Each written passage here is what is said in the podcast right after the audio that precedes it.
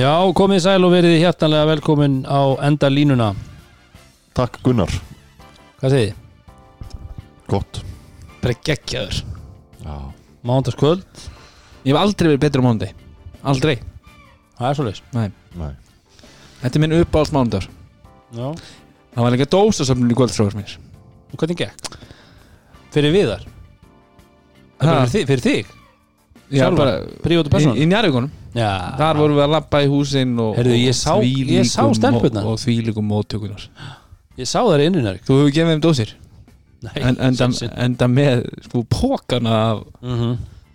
Kalda dósum. Já. já. og ég hitti svo maður var náttúrulega að hitta fólk í dag sko hann að hlustendur á förnum vegi Já, sem er engin lígi að það kemur bíl og stoppa fyrir utan ljónagröðuna og var að henda dósapókum mhm og heyrði ekki bara í röttinni á sjálfum mér. Og það þá var viðkomandi að hlusta á endalínuna. Já, þetta kann ég að metta og, og, og, og skilabóðin voru svo herðu, fyrst að viðar kom ekki suður um daginn ætlið ekki að fara að sækja dósinna til Dóra?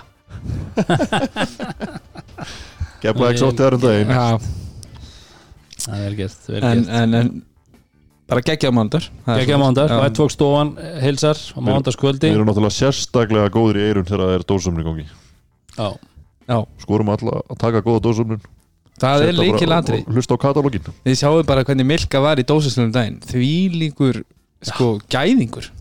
Það náttúrulega er kynþókafullur á velli En þarna Já, í þessum bláa, met bláa gula jakka. Þetta er mögulega ógislegasti jakki sem ég hef séð. Ógislega flottast ég ekki Já. Nei. Ógislega flottar, en, flottastur. en það er einhvern veginn Dominikas Milka lætur hann virka. Akkurat. Og svo var hann í, svo var hann í hérna, svona gráum joggingbuxum og inni sko. Þetta var alveg svakalegt svona vinnulúk. Þetta var að mynda við sér í dósasel bara þú veist svona átt að vera klættir og kemur hingað. Já, Svona dresscode Já, Hvað er, hérna, hvað er þetta að vinna með núna í, í, í fóksinum? það er rauður. Það er rauður. Já, Það er rauður fox og það er rauður kaldi. Vá. Já það, það er bara rauður. Það var ekki grætt sigur þannig að þá, Það fer í þá ferum við auðvitað Já. Dress according to mood enn og aftur. Já. En Það ég, var ég er samt vel klættur Já, já, já, já, já, já. já, já, já. Við erum ekkert að Við erum ekkert að hérna. Það er þín orð. Það er þín orð. Uh, Kaldi, að sjálfsögðu með okkur. Má ég heyra að opni Opnaði, maður búið að opna? Já. Það er búið að opna þetta Það er jólakaldin Já. Leynast en þá nokkri rík Já, já, við verum að dríja, dríja þetta áfram aðeins sko jólakaldi mm -hmm. 2020 Mm. er bara einn af mínum uppáhaldsbjórum bara ever. Já, ég bara get alveg heilsu að tekið undir það. Hann er ógislega góður. Það er bara svoleiðis, en heyrður eitthvað í þeim Áskoströnd? að sjálfsög Ok, já, já.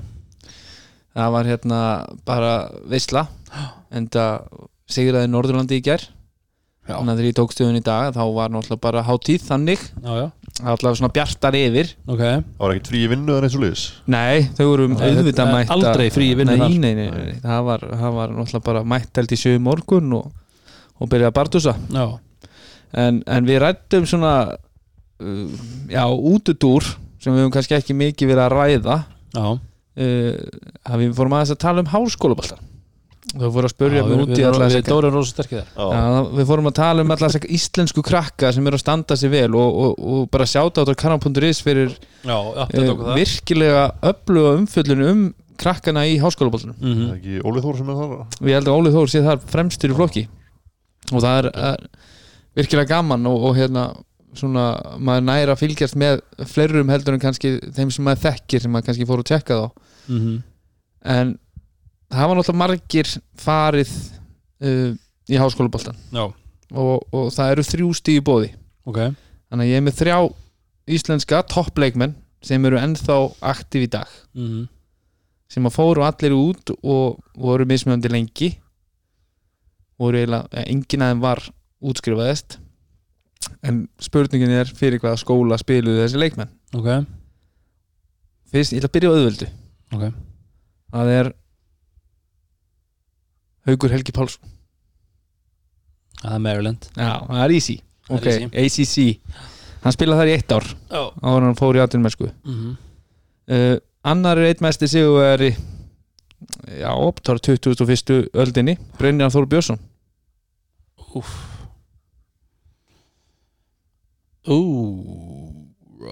Hvað var hann lengi þar? ég held að hann hef bara verið í hálft tímabil. Ég, ég held að þetta hef verið, hann kom heim eða hvort hann tók tímabil og kom heim hann í úrslitikefna 2009 þetta var þetta tímabili 2008-2009 þegar Koppi og Jón voru hérna. Já, já, já. Þá var hann held í úti og kom svo heim hann og var, var svona á bekknum í playoffsinu. Mm ég er ekki með þetta. Ekki með það, Dori Nei. þetta er Francis Marion. Francis Marion, já ok, okay. og, og og svo erfiðasta. Já, það er geitungurinn sjálfur. Einn af mínum upp og sleikmönum í dómunustildinni Ægir. Ægir Þór Steirason hann lagði landið til fót og fóð til eina stóru Ameríku. Já. í hvaða skóla var Ægir Þór Úff. þeir þurfu greinilega að fara að horfa meira á háskóla já, ég meina, við, já, já, ég skal alveg fúslega viðkjöna það. Alveg, ef við byrjum að horfa núna þá hjálpar okkur ekki í þessu. Nei, nei. En þetta var auðvitað Newbury College Auðvitað var þetta. Var eh, eh, þið veitir hvaða skóla Elvarmár spilaði með? Já, hann var í Barry og hann, var, Barry, í, hann var í LIU já, já, ok. Já, já. þannig að þið eru alveg með eitthvað. Já, já, við höfum svona, svona, já, svona smákurinn eða þannig. Það er bara svo leys, en heyrðu, við var ræðum okkar uh, fögru deilt og allt sem er í gangi þar? Take it away. Take it away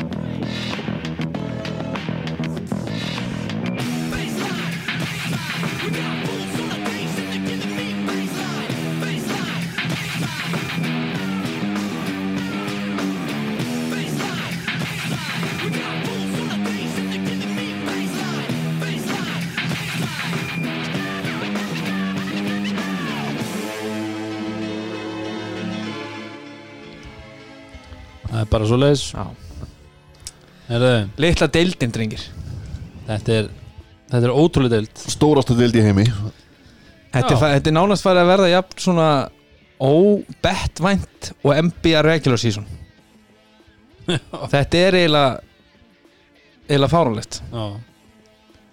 Að menn eru fannir að setja saman einhverja svona ótrúlega seðla 10 dólarar og svo eru menn bara vilt og gali að taka reyndar held ég maður þarf að taka séns að 7-800 út af að það gerast þessi ótrúlega úslit sem að kannski við sáum ekki fyrir 2-3 árum sko. Já.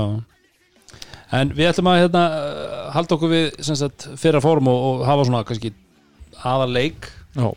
Við erum eiginlega með að, að tvo leiki núna. Já. svona, Það voru Já, bara svo leis Það hafa náttúrulega komið líka alveg leikir sem hafa verið bara blóat og það er eins og við vorum með leik síðastu umferðar. Það var nú það var aðeins mikið blóat en það var ekki blóat í gær í fyrirleik fyrirleik umferðarinnar sem var leikur Þór Þorlagshafnar og Tindastóls. Þorlagshafn náttúrulega búin að vera á eldi gjörsanlega Tindastóll ekki ef svo myndi segja. Hefur lítið verið og við höfum rætt, rætt mikið um það en þessi leikur var þvílík skemmtun. Það var geggjaða leikur. Já. Geggjaða korfbólleikur og hann fer náttúrulega í framleggingu og, og það voru, það voru vafatriði eða, eða umræðu punta sem við tökum aðeins á eftir og svo leiðis en, en bottomline var það að tindastósmönnum tókst að, að, að, að fá sigur og, og, og hver annar skoraði sigur hverjuna heldur en Nick Nicholas Tomsik Já. Já. Erum við konur í þá körfu strax bara? Ég er bara svona hendið í, í Já. intróði sko. Við, hérna, við getum svo sem alveg geimt hana en, en Nei, það er sko bara með þá körfu sko að Hann skoraði hana svolítið öðruvísi heldur en öll hinn skotin sem var reyndi í leiknum já, þetta var nefnilega gal opið skot já, já. gott skot Já, líka fekk hann út bara og púlaði Já. Í staðin fyrir að taka þetta var svona, fyrir þessi, trippl og- fullkomna catch and shoot Mm -hmm. eins og við tölum á fagmálunu fagmálinu Já.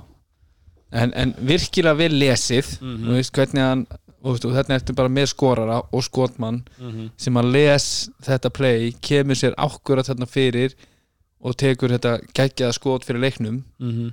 en heilt yfir yfir 40 og, og 5 minna köruboltaleik þó hann hafi verið með 20 stík þá var ég langt frá því að vera ánaður með hans 2 af 13 í þryggja og Ok. 6 af 25 í skotum sko. Það er náttúrulega svolítið sérst að maður spilar og segir 35 mínútur í þessum leik og hann er að skila 6 framlagstig Já, mínus og skora 20 stík og skora 20 stig. 6 framlagstig á, á 20 stig nákvæmlega, það er bara og þegar þú ert út að þú varst að tala um þetta skot já, já, þá held ég að ég færi bara næsta umröðefni það er lokasók tindastóls.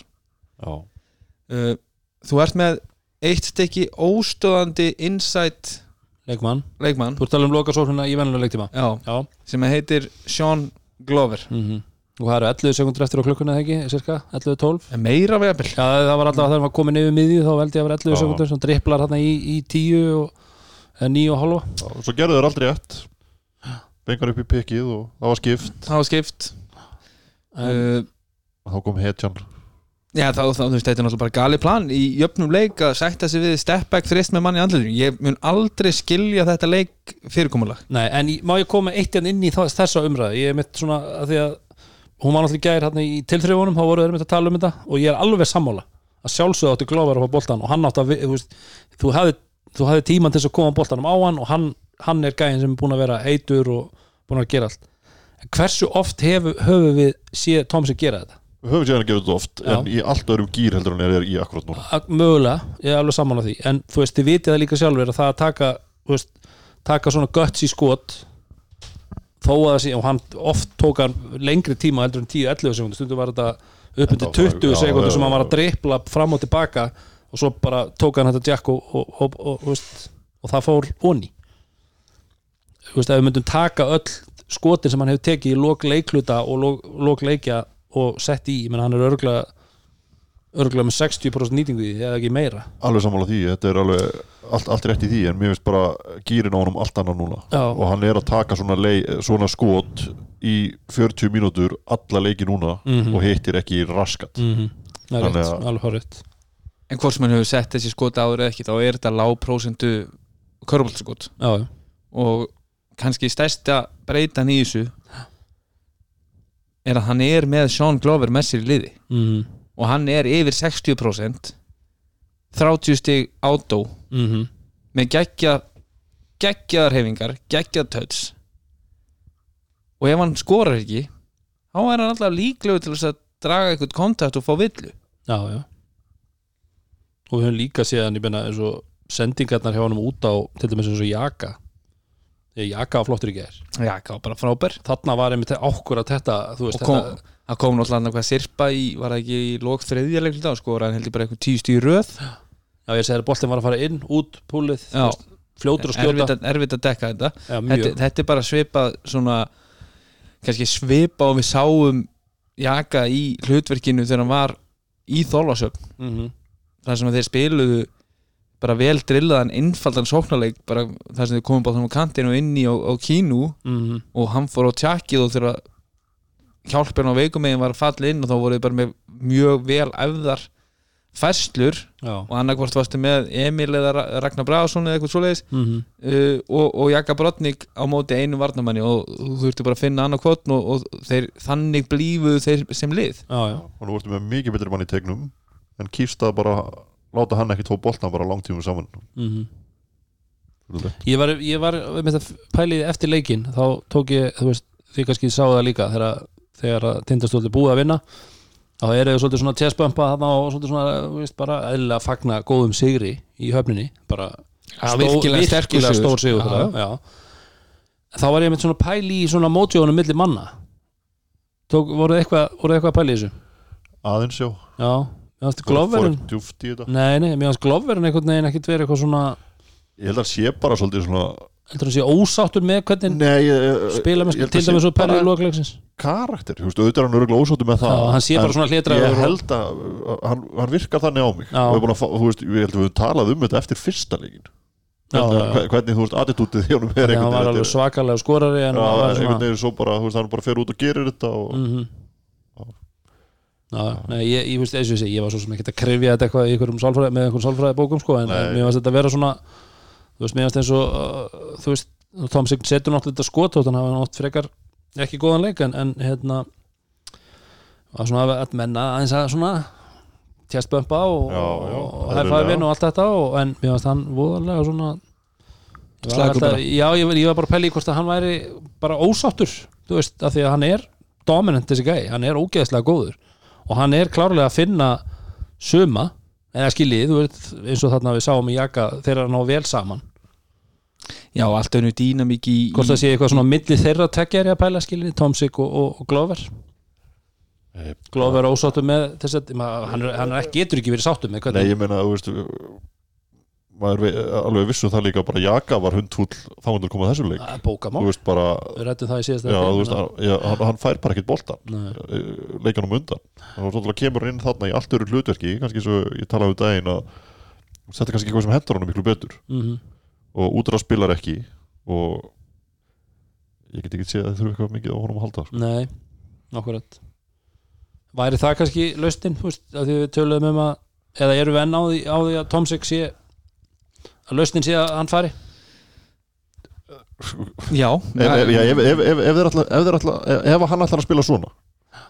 Ég meina, Já, veist, þeir vinna ekki titili með hann 5 af 20 og Nei, eitthvað en er, er, þú veist, er einhver munur, ok, liðið vann en er samt einhver munur á þessu tindastóls batteri núna heldur en bara fyrir tveimundum Erum við með eitthvað aðra skoðun á því núna þegar þeir eru unnuð þennaleg Nei. Nei, ég er ekki ekki með þetta en þú veist, þeir kannski voru forsaðir út í breytingu á byrjunarliðinu sínu Mhm. og kannski svona liðinu sem er að spila stæðstan hluta leiksins með því að setja Jaka inn sem fjarka. Mhm. eða fimmu jafnvel var einhvern veginn fjarki fimma hann bara. Já, og, og Klóver þeir Já, bara geta þeir- skipt það, þetta var svona einhvern veginn þannig.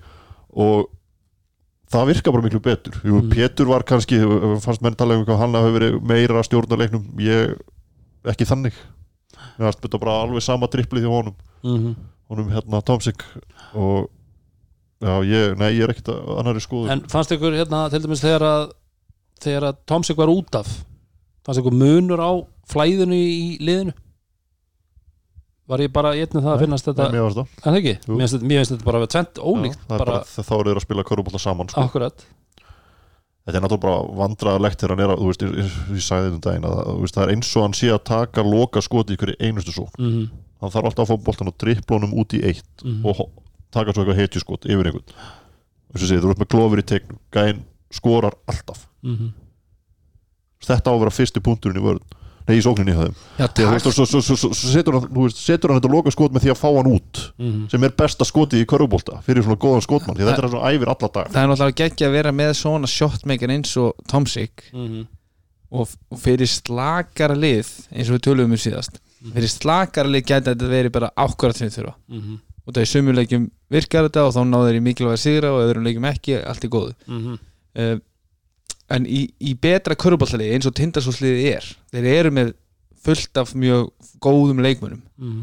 og þeir sætta sig bara oft við svo svona bara kjánalegar sóknir að mínum að því að þú ert með leikmann sem getur sett þessi skot og það er rosa gott að hafa þannig leikmann af því að þegar að leikirið þitt gengur ekki upp eða þegar að þú veist, sóknarleikurinn svona brotna niður í breakdown og það eru sjö sekundur eftir og boltinn endar aftur hlutan þryggja að þú getur farið í lett handof og hann tekur bara eina reyfingu og hann getur búið til þetta skot Mhm. yfir menn og hann getur sett það og þannig ertu allavega búin að auka líkunar á að skori svona neyðarkörfu á, á loka sekundu skoklugunar Mhm. en það sem er svo skrítið við hans ákvarðanir er að hann er jafnvel að drippla í 18 til 20 sekundur eitthvað bara svona án þess að það gerist nánast neitt Mhm. og hann hleypur kannski svona fram og tilbaka af ykkur svona top ykkur ról án þess að svona sækja á það Mhm. og svo fer hann bara svona þegar komið kannski 6, 5, 4 að þá fer hann í þetta skot Mhm. en þeir hlupu ekki neina sókn til þess að aðtúa hvort þeir fengi eitthvað auðvelt Nei. áður en hann fer í þetta skot sko. Það finnst mér vera svolítið kannski svona það sem að svona X-faktorinn fyrir mig og hvernig ég myndi vilja spila körubólta er að allt er að taka þetta skot ef það ke- kemur ekkert annað. Mhm. en að þú bara ákveði það að þú ferði í sóknina að þú ætli bara að dreipla klukkuna niður og taka þetta skot þegar fjóru sekundur eftir á skoklukunni þegar fjóra, leik, fjóra mínútur eftir á leiklutunum ég bara skil ekki hvernig það er planið. Nei, Nei. nei, þetta er sko og þú ert með gæja sem að skorar alltaf í tegnum. Og bara, þú veist það á bara að vera búndurinn, þau eru bara að fara þangað. Það býr til miklu betra skot fyrir alla hérna Mhm. það raða mönnum í kringum hann Mhm. þú ert með Jaka, þú ert með Pétur þú ert með Tomsik og þú ert með Viðar á kantinu þetta er allt menn sem geta sett þessi skot. Mm -hmm. það getur fundið hvert sem er, þú getur aldrei doblar hefur almenna láganlega þú ert búin að fá körfi andliti en þeir, þeir sko á endanum náttúrulega vinna þennan leik og, og Larry Thomas spilar ekki síðustu hvað, 11 og 12 mínútunar Mhm. Og það er hjúts fyrir Já, já, þórsarlið að missa hann er og, svakalegur. og þú veist af 45 leikminutum spilar hann bara 28 eða 9 Já, sko. svo náttúrulega Kallum hann snýri sig í þegar þeir voru búin að ná þessu niður í hvað einhver nýju steg eða eitthvað þegar hann snýr sig. Já. og þá er náttúrulega bara kjómaður og jafna. Mm Þú veist, þetta eru svona tveir póstar í þessu liði sem eru fáralega mikilvægir fyrir þá. Algjörlega. En ég fór aðeins, ég fann minn innri Óskar Ófeg aðeins og fór aðeins og kíkta aðeins á hérna sambandi tölfræðina hjá, hjá Tindastól bara svo við tökum það áður en við förum í, í, í þólasamlið um, Mér langaði svona til að tjekka veist, bara með þá tvo. Það er rosalega áþægt hversu mörg skotir er að taka í leik. Sem þess að Tomsik og Glover þá. Að það er eins og hinn þurfi að, eða þá er ég að kannski meira beina því að Tomsik. Ef Glover er búin að skjóta nokkur sinnum þá er þess að Tomsik þurfi að skjóta jafn mikið.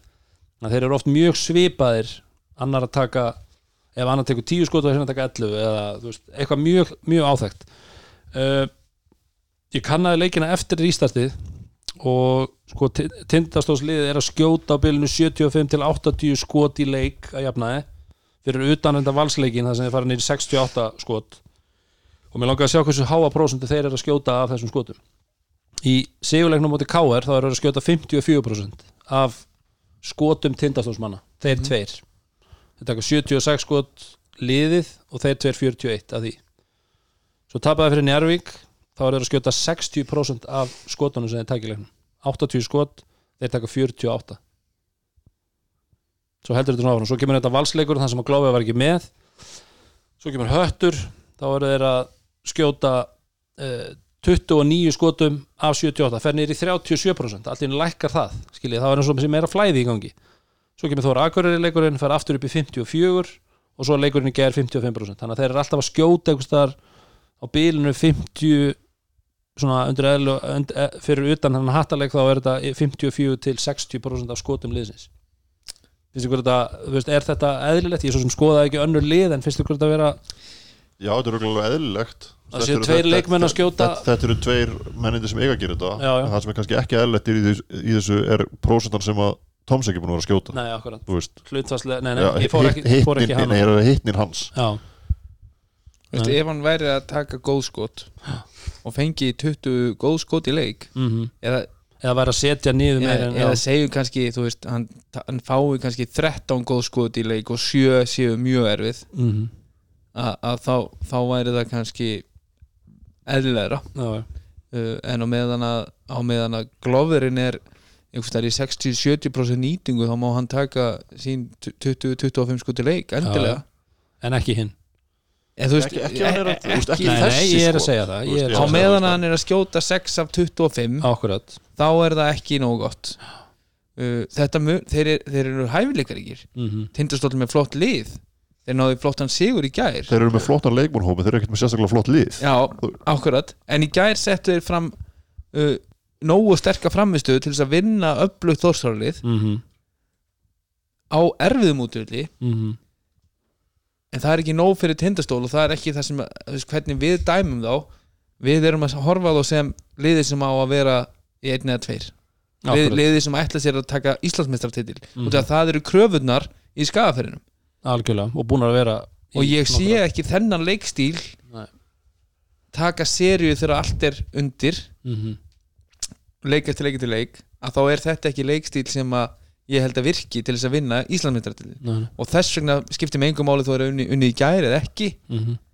ég held að þetta lið svona með þessari, þessari svona taktík eða, eða stíl það vinnur ekki Íslandsmeistartitil Mhm. Gott og vel, gott og vel uh, Við færum okkur í Þórsarana Við vorum nú að ræða það í gæð líka bara, þú veist, hvernig þeir eru að spila þetta er svo, þetta er svo gott lið þú veist, bolta, bolta reyfingin og það var svo fallegt Já.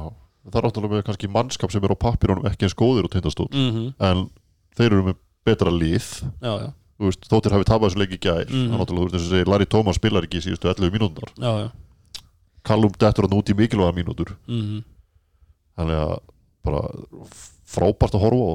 Auka sendingar Þegar þeir eru í sínum gýr þegar þeir eru að rúlla þá er þetta bara, bara unun að fylgjast með þeim. Og ég menna Drungilas svakalur er bara- náttúrulega bara monster sko. Mm. og, og hann er eins og hann sé bara fættur í höfninni sko. það er hann bara passjónið sem að þú veist, gæðin sýnir mm -hmm. þetta er ákvarðat svona erlendi leikmaður sem að ég elska að horfa á það hann kemur og hann það er eins og þú veist, hann og Dabbi Kongur þú veist, eru bara með sama passjónið fyrir að vinna fyrir Þóru Þólasöfn Mm -hmm. og þannig leikmenn eru yfirleitt leikmenn sem að þú veist, allir þjálfara vilja hafa í leiðunum sínum allir stuðnismenn vilja hafa í leiðunum sínum já, já. Þetta er líka líka bara stórt kredit og lalla að, að búa til þetta í kringum þetta lið.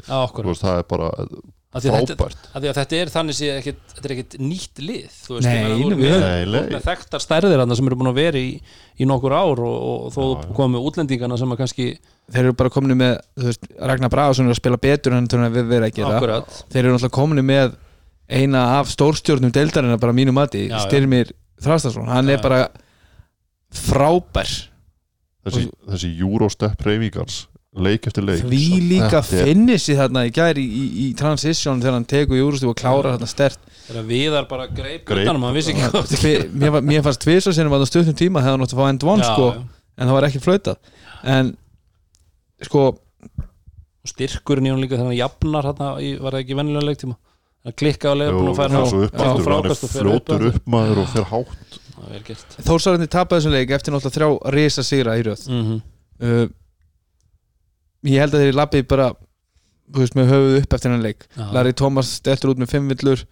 Uh, Haldogarar og Emil sem við höfum talað um þess að sem er mikilvæg heimamenn -hmm. uh, sem eru fannir að koma, að koma af bekknum. Uh, þeir voru slakir í já, Emil gæri að spila nýju mínútur og ger ekki neitt og, Emil, og Halldókara var ekki líku sjálfum sér. Nei, nei. Nei, hvort að þetta COVID-smitt uh, sé eitthvað ennþá bjagan og hann sé kannski ekki jafn orku mikill Mm uh, en Svo, samt þetta er sko eins og til þess bara með hann þetta, þú veist, hann er ekki að spila fyrsta ára sinni dildinni, nei, hann er búin að vera líkilmæri sem líði mörg ár. -hmm. og þessi bolti sem hann tapar í restina þetta er afleitt Mm. já, þetta er þe- í, í, þú hefur verið að pressa þig í bara þessum leik þú gefur ekki svona sendingu Nei. þú veist, hann er að gefa basically þverti um völli því hann er á hin, hinum, hinum vatalhelmingnum í rauninni Mhm. og er að gefa hann yfir á hinnkantinn í gegnum allt og þú bara byggjum að láta stila já Þetta er náttúrulega alveg ömurleg sending að láta stila og þetta er bara tapa leiknum fyrir þá mm. af þeir, þeir voru komnir þeir voru búnir að gera taknilega séð mm nógu mikið til þess að vinna hennar leik. Þegar maður hafði ekki trúið það lengur. Að þeir voru Larry Thomas út, fari í framleggingu Já. og þeir voru búin að halda sér inn í þessu. Já, já. og búin að, búin að svona, svona grænda þetta út með þessum, þessum körfum sem að styrmið var að skora svona hard fought körfur drungilas að taka svona þrjú, fjög, sóknarfrákast í röðun ánast Mm bara ætlaði sér einhvern veginn að skora. Uh, og þeir voru svona búin að fara með þetta og þegar Callum Lawson setur skotið hann í hotninu svona ógeðslegt skot sem að skoppar á hringnum að þá var hann bara, "Heyrðu, þeir eru búin að gera nóg Mhm. til að vinna þennan leik. En svo gerist þetta turnover sem hann bara tapar leiknum fyrir þá. Mhm. og oft er eitthvað, já þú veist það er ekkert eitt mist skot sem að tapa leiknum. En þarna er til að horfa á þetta turnover Mhm. tapaði leiknum. Auðvitað er hægt að segja styrmið hefði getað komið á móti boltanum og eitthvað svo leiðis en sendingin sem slík er arfa. Já, og þetta er bara, þú veist, fyrir leikstofnundur þetta er bara svona, það er bara sett blátt bann við þessu freyð út í Já. þ- svona þversetting og svona mómenti. En, en, en, en mögulega erum við svona að horfa á haldugara þarna, búin að spila 26 mínútur. Mögulega meira og, og fleiri mínútur í röð heldur en hann kannski treysti sér til út af því að Larry Thomas dettur út. Mhm. og er í þeirri stöðu þarna undir pressu. Og ég ætla bara að giska á með við tölunar hans, með hvað, hvað, hvað er hann að sína hann er bara ekki 100% heill nei, nei Nei, nei. A, að þarna er kannski eftir að setja leikmann í ótrúlega óþægilega stöðu Mhm. sem að hann vil kannski treysti sér ekki vera í á þessum tímapunkti ekki 100% Mhm. út af því að haldogarar bara í fyrra hann er bara tekið dræfið, látið á brjóta og sett, tvö vítaskot og svo hefur þurft eitt stopp til að vinna leikin já, já. en þarna leiði honum ekkert vel með boltanar því þið virðist og er einhvern veginn að reyna að Hann losa hann fljótur að taka upp driplið já en, en eins og ég segi, þetta er, þetta er já, bara áfram gakk fyrir þósar já, já, Já, en, þetta, en, en þetta atriði meðan Axel og, og, og Callum það er náttúrulega gerist á þessum sama tíma eiginlega. Já, bara alltaf villa. Já, bara þetta er líka bara eiginlega fyrir framann dómar já, fyrir fram á hvaða dómara? Það er Já, hann virðist nú oft bara detta út Já, hann virðist Bara- verið með fókusun á bara einhverju öðru en Já, okkur þessu. bara þetta, allt og oft bara er hann bara farþið í leikjum. Mhm. Bara stendur og horfir á og, og, og flautar ekki neitt. Ég, ég var með þetta pæli sko, mér finnst þess að Axel sé að fara í hann til að brjóta á honum. Ég er, ég er ekki að segja að Axel að fara í hann til að meiða hann eða nei, nei, ég, en, en með hvað er mikið eftir á tímanum Já, að þá hugsa ég einmitt þeir eru, hvað, ein, þeir eru ein, tveimur stuðmyndir tveimur stöðum undir á þessu og, þeir, einhverjar- eiga, þeir, eru, þeir eru og, að fara og, og 19 sekundur eftir. Já, og þeir eru að fara fram til þess að brjóta. Já, og þannig Og- er bara, ef hann hefði grifið boltan þá hefði hann bara þú veist, brotið á að tvö sko ég held nefnilega að Axel hafi verið að horfa á þannig að þú veist, nú erum við að tala um kannski mennur aðeins eldri og svona að svefa setni og svona. Ég held að hann hafi bara verið komin í það að brjóta á honum því að hann bjóst við að sendingin kemi yfir á hann Já, sem hún fer síðan sem hefði náttúrulega átt að vera réttasendingin Ah, ef þú ætlar að gefa hann á þessu tímabúti þá gefur hann þangað. Þannig að en eins og ég segi fó, þetta er alltaf villa já, mér finnst þetta ekki u, mér finnst þetta ekki brottrekstur fer hann klaufaleg í hann? Já, Þetta er svolítið hart sko. Þetta er Þannig að þú svolítið veist, au væri ekkit, ekkit vittlust Nei, eins og það ég vera er- að dæmi í þessari deild sko. Nei, nei, ekkert með eitthvað dæmis að deild en, en mér finnst þetta bara villa. En þeir meiga ekki skoða þetta af því að þeir dæmdu ekki á brotið. Já, það, það er reglan. Það er víst- það er vist reglan að, að, að fyrst það var ekki dæmt á þetta mm -hmm. að þá mega þær ekki fara þannig að aftur í tíman og breyta nei, þú veist það sem hefur búið að gerast í leiknum. Mm -hmm. nei, nei, sem meikar alveg sem skilur en, en, en samt ekki. Samt ekki, veist, nei, já. Fyrst að það byrjað að vera að dæma eftir einhver svona vídjóum mm -hmm. að þá eru íþróttir sem maður horfir á sem eru, eru þannig að þú veist það er skoða hlutina eftir að hlutinni gerast. Eða það hefur verið en það var eins og enska boltan og þá er Já, og mér, ég var ánað með að hérna, að að- Lalli var að Lalli? byrja um Já, hann var alveg no, VAR check já, Please. ég veit Ég held að hann hefði bara að segja að hann var að missa okkur í sjónvarpinu. Derrik er að Framleik- Derrik er að byrja. hann drífa okkur maður, drífa sig að klára þetta. En alltaf bara, þú veist, kannski bara í lokin þetta var rosalegu köruboltaleikur já.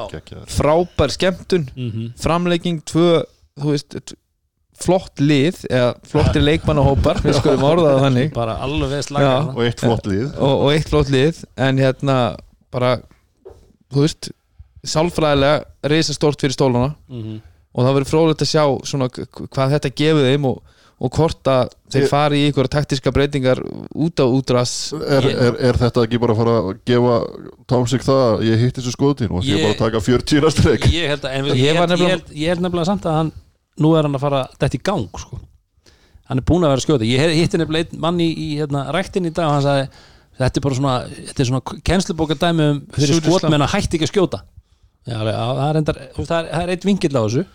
Ég meina hann er búin að vera í shooting drought bara í, í marga daga. hann nei, í marga leiki segi ég. ef hann hefði greipið hann þarna driplað út, Já, fengi í sig tvo þósara tekið stepp og settar yfir hann. Já. ok, þá hefði getað hlustað það. En þarna fekk hann bara gott Já, bara galum mjög gott. skot Ég skal líka, þú segja það bara að ef hann væri að taka þessi skot meira Mhm. komur mér á Glover, Glover að kikka honum út og hann að skjóta hann væri ekki að skjóta svo nýtla Nei, akkurat, akkurat. Jepp, svo mörg voru þau orð. Herðu, uh, maður leiksins. Tomsik. Brotnik Já, gott kól Ég, Eh, ég tek undir það. bara, veginn, hann, hérna, Sko, náttúrulega Glover er náttúrulega skila Þú veist, eins og alltaf Já, bara geggjaður. En eins og- ég- eins og- eins og að því við erum að tala um þú veist, Tómsik klára leikið með svo skoti. Mm en það er Brotnik sem býr til þetta skot. Já, brostning Stelur þessu bolta og, og, og kikkar honum út á hann. Og átti þess að rosalegu sérpi í þriðarleikilda sem að sem að geði mikið fyrir stóluna. Og hann er líka að fylla bara út fleiri þætti í, í tölfræði, þætti já, hann bara mætti. Hann mætti og hann var, hann var góður, mjög góður. Við erum sammálum það eða ekki? Jú, Jaka, Sendum þetta- á Jaka. Uh, þá er það hinn leikurinn sem við ætlum að, að kalla leik umferðarinnar. Já, þeir eru tveir og það var leikurinn sem var setni leikurinn í kvöld. Já, leikur sem við vorum við spáðum stjörnu Sigri. Jú. Eins og að ég held. Bara 90 svona 99% Já. af körubólta aðdáðandum á Íslandi. Með hlýsjón á síðustu umferð til dæmis að stjarnan náttúrulega voru svakalegir á móti keflaug Grindag náttúrulega missa missa dagkár og með Erik Weiss í meðslum svona, já, einhvern veginn ekki í, í fullum gýr mm -hmm.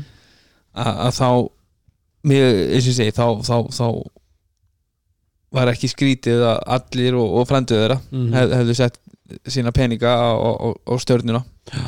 En Ól segir mm. Ól segir grindvíkingar. Þetta var, þetta var í, í KP höllinni.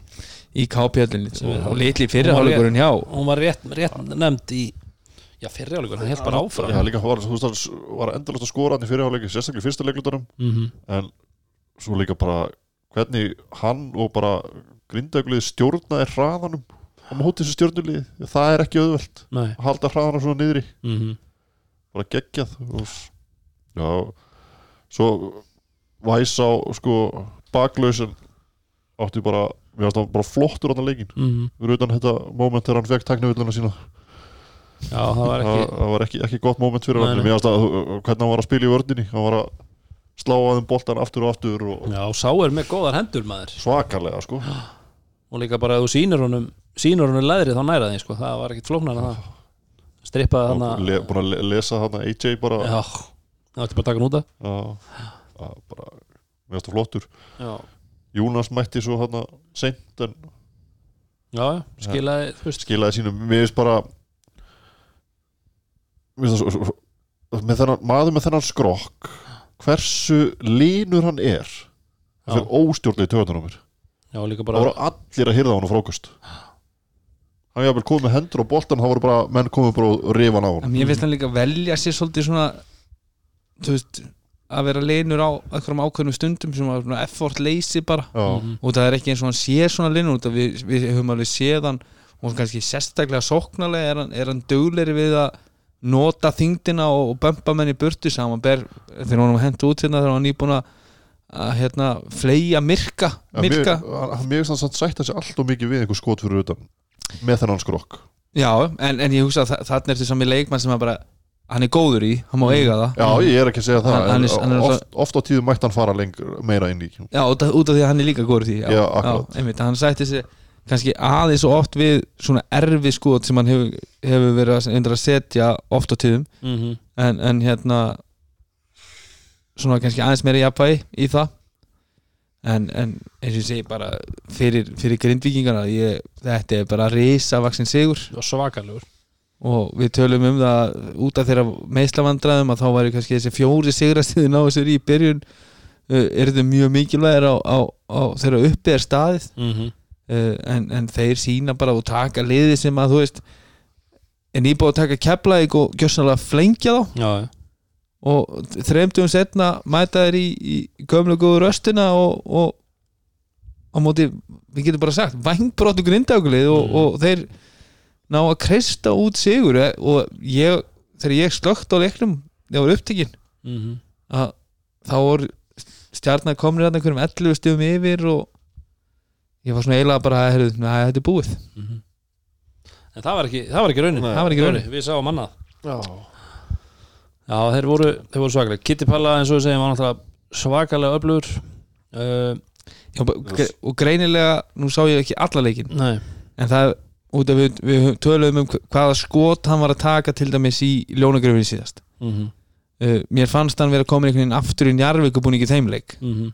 kannski eitthvað aðeins að uh, ruggla í hausnum á hann að vera að spila á veist, eh, vellinu sem hann, þar sem hann ólst upp Mhm. en bara þessi skotnýting hans í kvöld segir okkur hversu mun betur hann var að velja skotin sín Mhm. og Það voru samt alveg í setni áleik alveg já, já þú veist, það var ekki tvö mjög erfið mjög erfið Seti, og, svo, eins og segi, svo voru bara grindjandi bara að gera þetta svo vel. Þeir voru bara að stjórna raðanum og, og, og fara á réttu staðina. Er líka fara inn á Óla það bara þrís og fjóru sinni þegar hann- hann var með einhverja bakverð á sér. Og hann- og hann- upp, látin ganga inn á Óla. og hann er orðin hann svona nýr tjakkur hann er að taka við að Helga Maggi í að vera svona tjakkur bara svo yfirvegaður Já, já. það er það sem að veist, það er róin líka sem kemur yfir grindagulíði Já. þegar hann er með boltan á þessum stað það, mér finnst það líka sko með grindagulið ár versus fyrra til dæmis að núna vita þeir hvað þeir ætla að gera Já. Veist, þeir eru með svona einhvern plan og, Þú veist, þeir fóru bara út í fyrra og Nei. gerðu bara eitthvað ég skal lofa þið því ég þekki Daniel Guðmundsson það vel að þeir voru með plan. Já, ég En veit það. fóru ekkert eftir. Nei, ég er að segja það, það virkaði þannig eins og þetta væri bara, förum bara út og gerum bara eitthvað. Já, Já, það var kannski að því að þú varst líka með þá leikmenn sem að voru þannig þú veist, ef við tölum um Sigtrygg sem að mm. gat dotti í bara þú veist, þvílíkan gýr Já, þess á milli sem hann var alveg út á túnni og, og var að taka svo rángar ákvarðanir og, og pottið að fara út úr út af plani, sko. Við getum bara verið Yngvi. við getum bara verið sammála um það að bakvarðarparið uh, Sigtryggur og Yngvi mm er eitthvað sem að virkar ekkert alltaf rosalega vel saman nei. nei, nei ekki til þess að við held að plani allavega, það er alveg á nei, ekki, ekki að þú ætlar að spila skipulaðan uh, mjög Nei. eff- sem að getur verið mjög effektífur Mhm. en út af því talaðum hann að sett skot hann í setnáleik það er nefnilega kannski munurinn að þegar hann var að skjóta þessum erfið skotum hann kannski undir lokin á mútið Njarvík mm -hmm. uh, contested skotum þar sem Jón Arnó var að ná að mi- mjög mikið í þeim leik að þá var hann kannski einn af nýju þegar hann var að taka það skot já, en í kvöld var hann kannski með 80% Já, nýtingu og, bú, og, veist, var, var með 20 stiga fyrirháleik mm að þá, þá er auðveldur að taka þetta skot Já, bara já. hvernig, þeir, hvernig leikurinn er búin að spila sér og þú ert líklegri til að setja það niður Mhm. þegar þú ert með 20 pluss stjóð töflunni sko. já, já klárlega. heldur en þegar þú ert búin að vera að ströggla alla leikin og ert einn af tíu þá ertu kannski mjög ólíklegri til þess að setja niður svona já, mjög erfitt skot þegar, allt er undir sko. Mhm.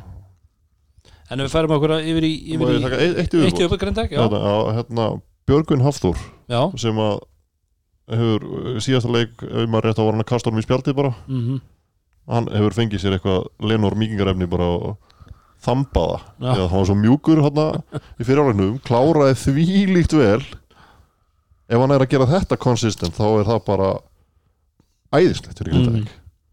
Sé, hann er alltaf mikið í því ofta var þetta blátt lenur held að það verið bleikt. Bleikt já. eða, eða þú veist, hann er uh, ofta honum bara í spjaldið og fer, fer vel upp á körunni og svo bara einhvern veginn gerist ekki neitt. Það var allt svo mjúkt og, og vel klárað hjá honum núna, mm. vel stiltur vel stiltur vel stiltur uh, en stjórnum einn okkur leikmann þar sem að þú getur pikkað svona pikkað át af það litter eins og maður segir eitthvað sérstaklega góðir eða? Já, ég er bara Ég svona meðast bara, þetta veist, það sko bara allir einhvern veginn þeir voru bara langt frá því sem þeir voru á föstudaginn. Já, langt frá því sko. Gunni finnst mér að vera bara já, að gera, svona- gera vel. Náttúrulega þegar hann fer hann og treður honum í fyrirháleik já, það var mjög vel gert. Með þess að ægir á bara frekar dabran dag eða bara á dabran dag. Já, sjö stig, Já, eitt frákast, sex hann er- stóðsendingar það var ekki Svali sem sagði þess hann er aldrei lélugur. Þú veist, hann er bara, hann Nei, er nei. alltaf þú veist, hann var góður alveg skilur en Hann hann er var ekki hver, nú sá ég ekki að við stóran part af þessum leik. Mm -hmm. hver var að dekka hann? ægi, já, það er góð pæling. Ég, brekja á honum eitthvað? Já, breki var eitthvað. Mínútundar sem að Kristof Breki er að skila þessu grindækuleg eru hrikalega mikilvægar mm -hmm. þetta er svona maður sem þú þart í svona líð sko. Mm já, sem að gerir bara alls konar hluti einmitt sem að kannski mjög oft sjást ekkert á staplaðinu já, já. en, og svolítið svona feimið við að skjóta í kvöld breki, já, en, þið, en þið sjáu samt þessi, þessi bara deild sem við erum í. Mhm. og við höfum talað um þetta. Ég, ég vildi meina það í síðasta þætti hjá okkur að það þyrfti ekkert rosalega mikið að gerast til þess að Káar hefði unnið þó þá rosa með 20 mm -hmm. ef að bara fyrstileglið hefði spilast örlítið öðruvísi þá hefði verið kannski að horfa í alltaf rátt Mm uh, hvað þryggjast eða skotin í þessari deild eru mikilvæg. -hmm. þið sjáðu bara hvernig stjarnan byrjar leikina móti Keflavík. Það sem að ég held að fyrstu bara, þeir voru held í 5 að 5 í þryggja þarna bara mjög snemma í fyrstilegta Mm það sem það var bara allt í svo maður þetta er í grinda í kvöld og eru 11 af 38 -hmm. undir 30% þryggjastæðnýtt ég skildi það ekki alveg í lokin. Þeir voru alltaf að það var bara þrista já, já.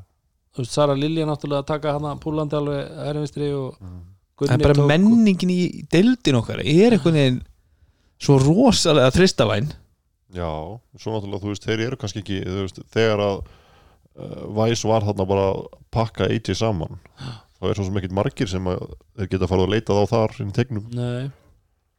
Já, þeir, eru með, þeir eru nú með hlýn. Já, hann er nú ekki svona mikið eitthvað að fara Nei, kannski leikina. að nei, ég er að segja það, Nei. hann gerir það vel þessi skipti sem hann gerir það. Já, ég mjög svona bara þegar hann fær bolta þá kemur alltaf eitthvað gott út í Já, ég er alveg sammála því, en þú veist, þetta er kannski, þú veist, þeir hafa ekki verið að treysta á að þetta sé þeirra plan að fara þangað. Nei, það var kannski Og- ekki þurft þess. Nei, náttúrulega, þú veist, þú er konum með AJ hann og hann var bara, bara jarðaður, já, bara væs, bara tók hann, bara, já, já, já, veist, hann spila 20 mínútur hann er 14 stig 6 frákost. Já. ekkert lélegu leikur. Nei, hjá ekkert- honum, ekkert en- það var það sá Væs- spesial í hann væs var að, að, að komast í boltan hjá hann og gerði það hrikalega vel. í hermina væs í, í- sko, mér finnst það sem ég sá þá, þá líst mér ennþá samt mjög vel á þennan leikmann Mhm. þannig nýkominu sókvi já. spila tvo leiki núna á, á stöttum tíma. Mhm. Hvað, okkur, það eru þrý dagar frá það að koma sókvi búin að ná kannski einni æfingu. Þannig að það sem hann er að skila finnst mér alveg gefa góð fyrirheit Já, fyrir framhaldið. En stjarnan alltaf átti bara náði ekki að fylgja eftir þessari flugveldasýningu frá því á förstu daginn eftir í kvöld, það er alveg klárlega þeir voru ekki að hitta ef vel og bara ekki jafn svona einhvern veginn sjarp og feskir. Mhm. en það er kannski það sem ég horfi í þar sem ég sá ekki fjórðarleiklistan og ég var með stóru augu þegar ég opnaði sá úslitin Mhm. það er kannski þessi andlegi styrkur í grindaguleginu Mhm. uh, að vera komnir þetta undir og þeir vinna fjórðarleiklistan með 13 stöðum 25-12 verandi liði sem að er þú veist, svolítið vangbrótið verandi búin að missa dag verandi með væs allavega ekki 100% það er Mhm. bara staðreind uh, og, og þeir eru bara með tvo erlenda leikmenn og mótið flestum liðum með 3 til 5 Já, já. að það er finnst mér mjög andlega stert hjá Grindavík að mæti fjórulildan á móti þessu stjórnuliði sem er nýbúið að flengja Keflavík Mhm. og bara hafa jafn mikla trú á verkefninu út af við höfum oft séð kannski Grindavík núna á síðustu árum einmitt ekki vera svona andlega sterka Mhm. það er fljótur að brotna fljótir að brotna, fljótir að fara í, í, í mjög vondar ákvarðanir mjög fl- fljó, fljótfærnar og lélegar ákvarðanir og, og, og, og tapa leikjum þannig. Já, já. þannig að mér finnst þetta bara hrikalega stert hjá þessum grindaðugur hóp sem að uh, við teljum nú eigi eftir að styrkjast eitthvað. Mhm. þetta er líka bara, þú veist vartaleikurinn hefur var frábær og, og þeir voru bara að leggja sér fram. Þú veist, þeir, þeir eru hoppa þarna báðir Óli og Kitty, báðir í saman boltan þegar hann er laus á gólfinu. Þú veist, þetta er bara, þú veist þeir eru bara, voru bara á þessum stað þarna. Bara hjarta, þetta Já, skiptir máli skilur, skipti máli og hérna vonandi það bara komið til að vera það hefur ótt vantað þarna. Það oft Já, mér varst það einmitt eins og þetta dæmi sem talar um Dóri, þegar þeir stukku báðar eftir boltan það, mann á hann góð maður sem sagði það, þú veist að þú veist, þú spilar eða þú stekkur eftir- eða skilur það, þetta, þetta er passion þetta er, þetta er liðsbolti þú veist, all, allt svona hustle points skila alltaf einhverju betra tveir en engin skilur þannig að já, þetta var sterkur sigur hjá grindvikingum vinna á heimaðalli liðstjörnuna 93-89 maður leiksins.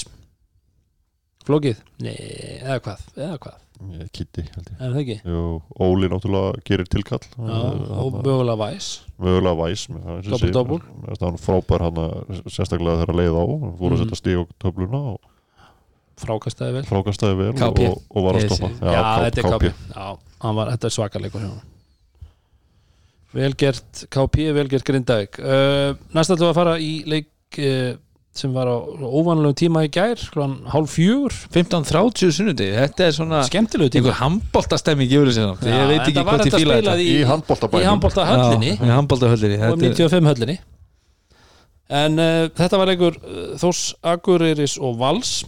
Þósarar nýbúnir að að leggja tindaþósmenn í umferðin á undan og til alls líklegir og, og voru heldur betur flottir, Dóri, þínir menn? Mínu menn maður. Þetta Mm. var bara virkilega flott framistæði höfum á móti andlausum valsmunum Já, Já, sko, hva- hvað er ég að byrja? Ég veit ekki, sko, hérna ef við, ef við tökum bara Þórsána þeir náttúrulega fengu þetta reisastóra framlega frá, frá þeim sem við gáum með ekki maður leiksins, Ragnar Ákursson í það leik. var mikilvægsta leikmaður. Mikilvægsta leikmaður MVP að hérna að í þessum leik þá skoraði 98 stig og 92 af þeim koma frá erlendu leikmannum mm sem voru allir mjög góðir. Já, já, uh, en þetta er náttúrulega bara ólsegt lið. Þetta er annað lið. Að, við þurfum að finna eitthvað nýtt nafn á þá. Við grinda ykkur ólsegir þá bara, bara svona þraut segir þraut segja í, í, í þessu þórsali Já. og, og, og þeir, þeir, þeir eru komin með mannarna sem er greinilega er að berja í þá trú Ég, og, og, og hjarta og passion og, og þeir gera þetta fyrir hvern annan og, og þeir ég veit ekki, sko ég er bara dýrka að horfa á eins og þetta þóslið þegar að þjálfarin er þú veist eins og þegar þeir eru að setja stór skot og svona þegar bjark, maður sér bjarka þarna á hliðalínunni gjörsanlega að trillast. Hann er, svo, veist, hann er bara svo ánæður þetta, er, veist, þetta smítast inn á völlin, þetta smítast á bekkin þetta smítast, þú veist, það, þetta er því dýrka þetta. Og það er náttúrulega þægilegt fyrir Bjarka mm. að vera með eitt stykki Dedrick Dion Basíl já, já, og annað stykki Rok- Rok- Alcolando eitthvað við þurfum að fara á námskeið og læra að segja þetta nafn. Þú veist, þú veist útlendingarnir eru allir að skila einhverju. Kannski Glóbis ekki að skora mikið hann er að gera hrikalega vel. Tróði yfir Já. uh, bílits já, já, bara uh, fullt af hlutum já. vellinu sem hann er að gera vel. En svo, þú veist Ragnar er með 16 stíð í síðasta leik. Mm -hmm, Kolbeitt kemur með stó- 12 stíð núna. Mm hann er stáka sem geti þetta. Og er að, er að fá sjálfströst í þetta. -hmm, og að vera með fleiri en einn svona strák sem getur gert þetta það hjálpar. Mm þannig að það er ekki, er alltaf að treysta þú við vitum að þetta er þessi strákar sem eru að koma inn í deildina þeir eru upp og niður og annað -hmm. Þannig að ef að fá framlega svona frá einum alltaf í hvernig leik þá hjálpar það með helling klárlega. En ég það hefði ekkert komið mér á óvart þegar ég voru að horfa á leikinn að einhver valsarinn hefði lappað að Bjarka og löðrungað hann. Og Bjarki góðu vinnu minn og, og, og, og allt það en það, ég hafði rosalega gaman að því í hvert einasta skipti sem að valsarinn voru að, eitthvað að, svo, í sókninni og voru að láta bólla ganga og svo endar hann hjá einhverjum og hann sá að fara að taka skot og sagði hann alltaf it's okay, it's okay. Og öskraði svo á mann og annan non-shooter, non-shooter. Sálf, Sálfræði stíl. er hann var bara be þeirra besti varnamöður Já, já, Þetta já, já, þetta, þetta er passun þetta, þetta er þetta og þetta er bara, þú veist og, ríkalega ánægða með það að hvernig þeir settu leikinu upp. Þeir komu bara inn til að vera bara með einhverja geðveiki Mhm. bara allir að öskra allir á bekknum, allir á vellinu bara tala vel. Í þessu valsmönnum þeir finnst ekki gaman í dag að vera í svona, Nei, svona, leik, svona physical leikjum og það sem er svona mikið læti. Nei Ég sammála því. Þeir vilja svolítið bara, þú veist eins og við tölum veginn um fyrra þegar megna- eða, já, þegar þetta megnaði þessu liði var í káir að þeir vildu svolítið koma bara inn og vinna þægilegan sigur og Mhm. henda svo á sér treflunum og fara á kaffi vest og fá sér latti þú veist, þetta var eitthvað, þú veist tilfinningin og Já, já. þeir, þeir hafa ekkert rosalega gaman að svona leikjum. Það er bara geggjað að setja hann upp. Bara allir bara frá fyrstu mínútu bara öskrandi og náttúrulega Bjarki aðalmaðurinn í því. Mhm. bara ríka lánaði með þetta. Já.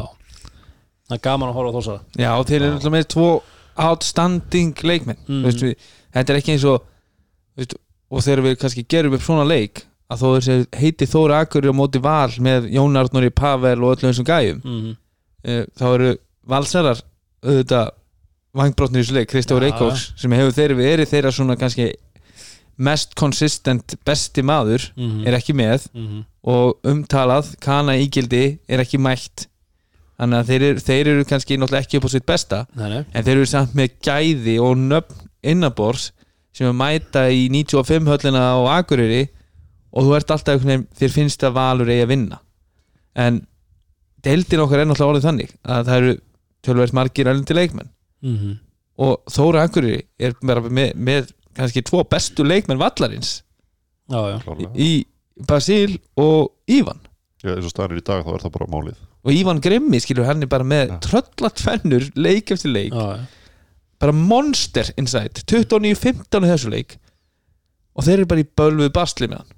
Og bara, þú veist, reyfingarnar hjá honum og en þórsarðin sína líka svona ákveðna yfirbörði í þessum leik. Þeir eru að ná mest 20 stöð á fórustu mm -hmm. þeir eru ykkur um hvað, 16 eða 17 stöðum yfir fyrir fjóralegluta en andleysið í valsliðinu. Mm -hmm. og það, ég horfði ekki á leikin en ég var búin að kíkja á svona part af úrunum í dag færslur varnarlega þú veist, tal, samskipti effort þetta er eitthvað starf í mínus Mm -hmm. því þetta er svo hægt og það er eins og þeir séu bara algjörlega bara að dreigja á leiðendum sko. Mm -hmm. en svo er náttúrulega kannski punktur sem að við erum að horfa á að þú ert með Sinisa Finn þú ert með Finn þjálfara sem er náttúrulega unnið allt Mm -hmm. þú ert með Geitina Pavler Molinski Mm -hmm. hann er með svona 5-6 manna hóp pluss Acox sem hafa allir unnið þetta allt saman verið í þessu öllu áður. Og svo ertu með svona rosalega sundnum, svona sundraðan hóp virðist vera.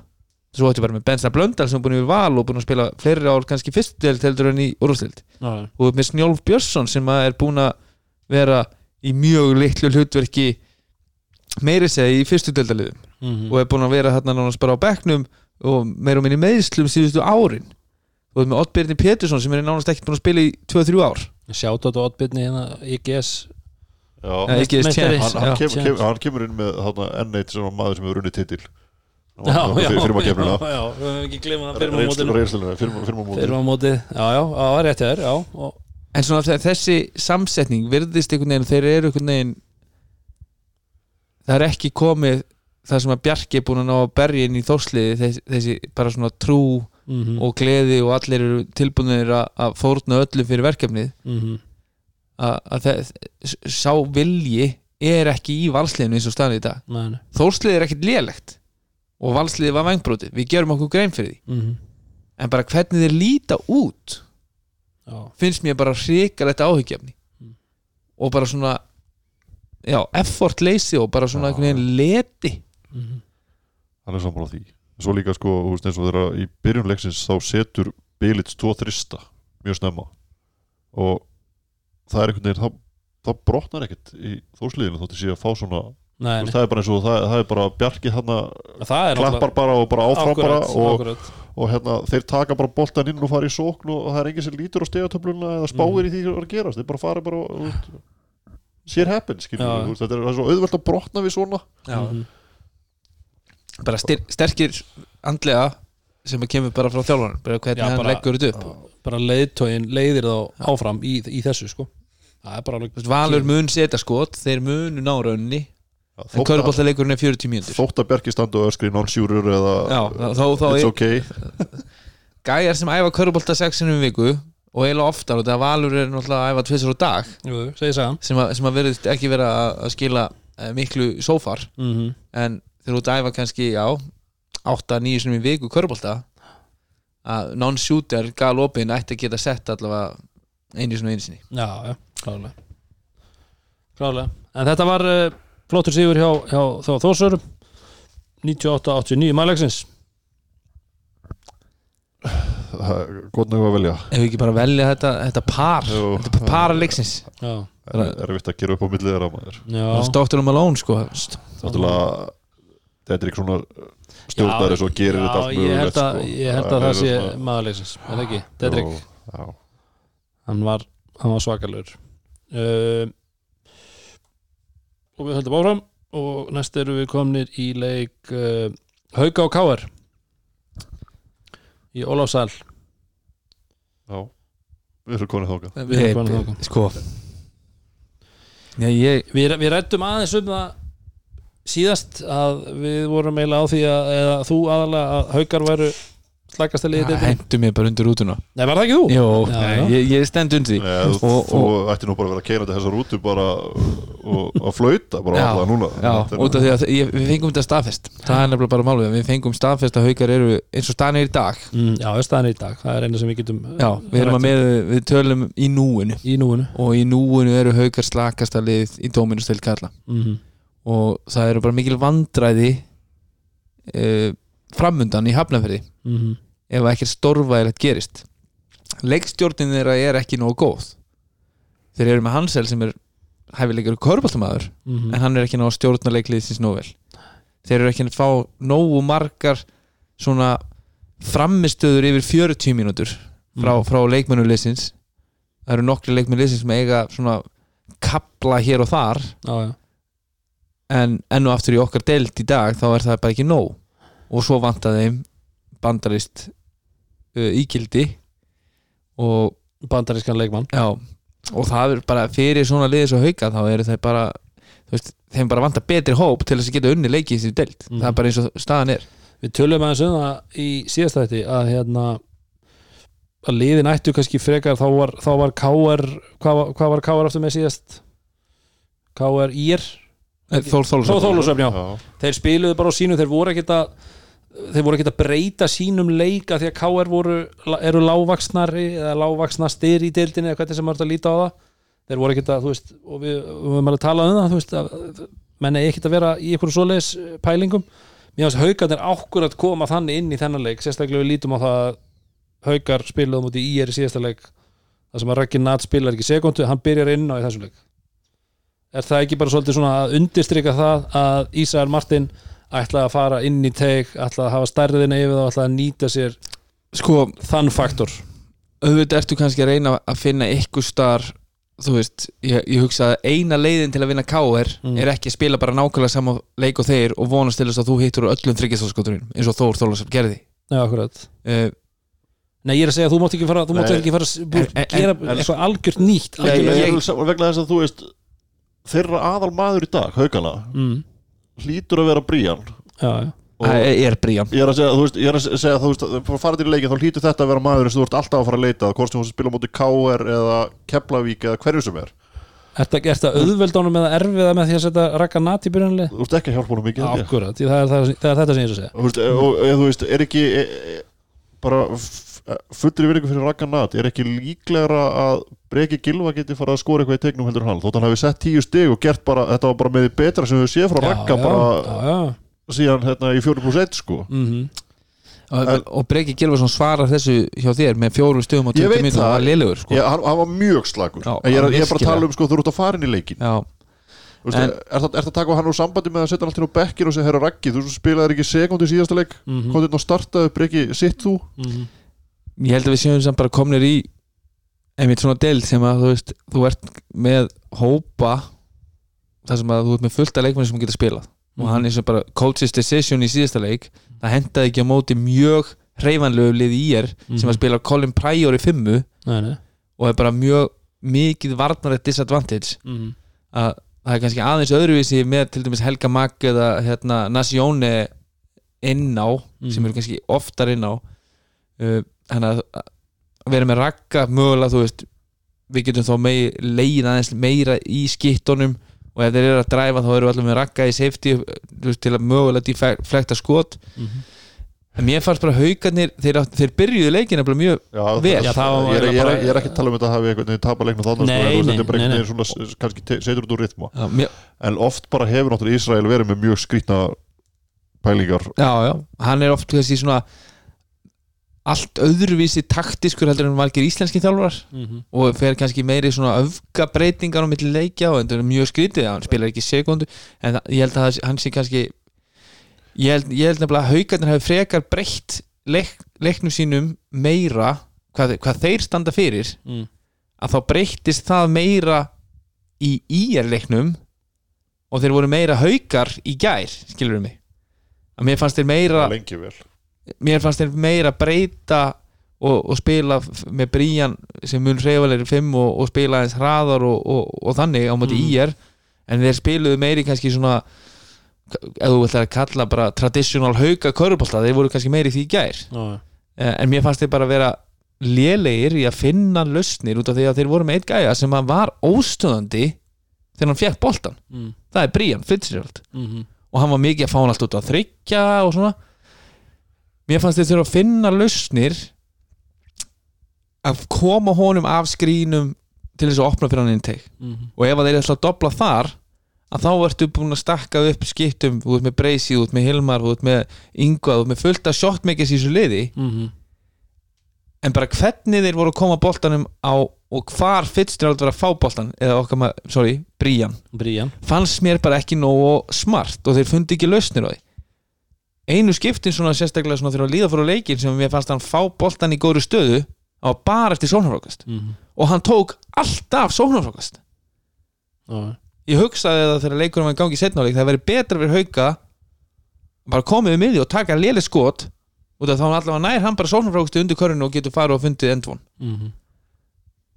mér fannst þetta svona, já, mér fannst bara sóknarlega fundur ekki nógu þægilega lausnir til að nýta sína yfirbyrði sem að voru miklir Mhm. undir körunni er, er, er þetta ekki líka bara einhvern veginn þannig að þeir verðast alltaf komið í sóknuna til að annarkort gefa hann í svona 15 skipti eða til að taka þryggjasta skot eða taka eitthvað, þú veist svona skot þeir verðast einhvern veginn bara fara með eitthvað eitt markmið í sóknuna og það er bara mismunandi eftir því hvernig liggur á hans eller vinn okkar Já. Þetta er svona tilfinningi sem maður fær þegar maður horfir á Já, en þeir eiga einmitt svona mér, þú veist, þeir eru rosalegt sirpulið þeir taka svona sirpulið eins og í fyrirleik áttu eru rosa flóta sirpu og, og Brían alveg óstöðandi þarna. Fer- Hilmar með svaka Hilmar með, Hilmar gegg, byrjaði vel. með geggjaða byrjun en svo bara einhvern veginn dætt allt og þú veist, ef þið sáðu eins og dræfið þarna þegar hann fær villuna. Já. því líkt aggressiv og, og, og Mm. bara alvöru dræf Þarna var hann búin að setja var ekki, Búinn að setja tvo þrista. Og svo einhvern veginn svona feitar þetta bara niður og hann, hann fer ekki aldrei mér finnst hann aldrei dræfa svona stert aftur bara í leiknum mm. en þeir eru svona bara sirpulið og eru bara ekki nógu góðið til þess að halda út sirpur og er ekki, ekki nógu klárir að finna lausnir Mm. og káulið heilt yfir yfir 40 myndu voru ekkert frábærir Nei, nei en þeir heldur bara áfram að gera það sem gerðu og náttúrulega svo hjálpar að vera með eitt stykki Tyler Sapin Já. sem að getur skotið úr hvaða færi sem er og, og setja hann í grímuna þér, sko. mm. hann er bara hoppað upp á annari löppili bara allstar á vellinum þetta er, þetta er rosalegur player. Hann er alltaf með Þetta- þre- 39 stig og það er svo niðurdrepandi held ég að þau eru út að spila móti káuleginu þegar þeir detti í þennan gýr mm.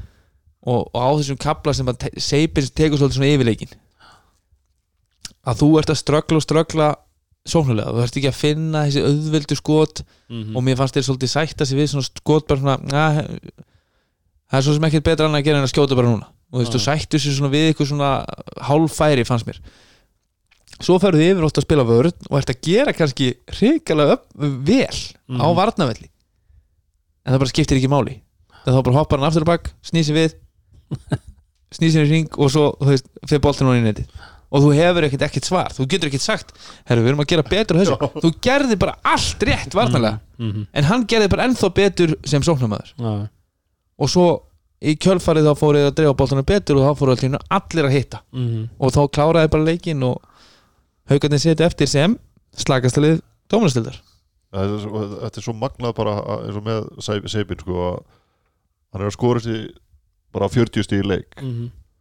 hann er ekki að forsa hann einu Nei þetta er ekkert, þetta er ek- ekkert eins og hann sé bara Nei, sko, er- ég er að segja, þú veist- út af því hann hittir þá, þá lítur þetta betur sko. en, en, en, en, ég- en ég er að segja mörg af þessum skotum eru ekki þannig að hann sé að drippla í, í 20 sekundum ja, hann er mjög meira hann er rosalega direkt Já. og hann líka kemur sér áfram að körfunni Já.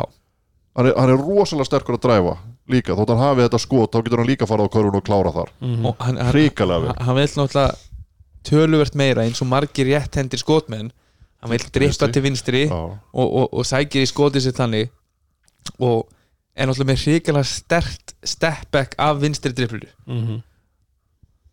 og út af því hann er svo góður að setja og það stundum eru þeir bara, það eru 20 sekundur á skóklökunni, þeir eru bara í einhverju transition og hann er einhvern veginn einn og einn og tekur bara svona hálft drive og svo bara steppa einhvern kant og, og feita við og það eru 17 sekundur eftir á skóklökunni sko.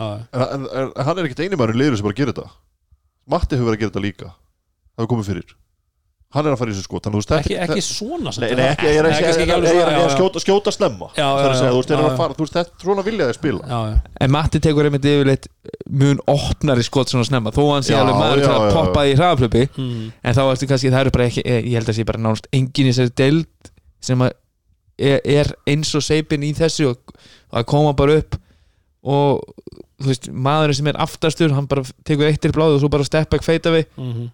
og þetta er bara eins og fyrir hann að að komast inn í miðjuna og taka bara náttúrulega skala með flóter sko. Já. hann er alveg ótrúlega Já, svo, svo líka þegar hann er að gera það þú veist, hann tók einhvern flótir hann í gæra sem bara tötsið í honum er svo svaka Já, hann, er, já, hann, hann, hann veit hver karvan er það Já. er alveg alveg hann hérna, segið mér eitt ég, ég á þess að hafa eitthvað fyrir mér í því hvað ætli þessi mesta average stigaskor sem að hefur, einhver leikmaður hefur skilað tímabil, þá er ég að tala um að spila meir en einhverja fjóra leiki, þú veist hafa komið hérna í lók tímabils eða komið og farið. John Taft og eitthvað svona sem var einhver svaka þarna og þekktu fyrir hana kannski einn að skora líka. En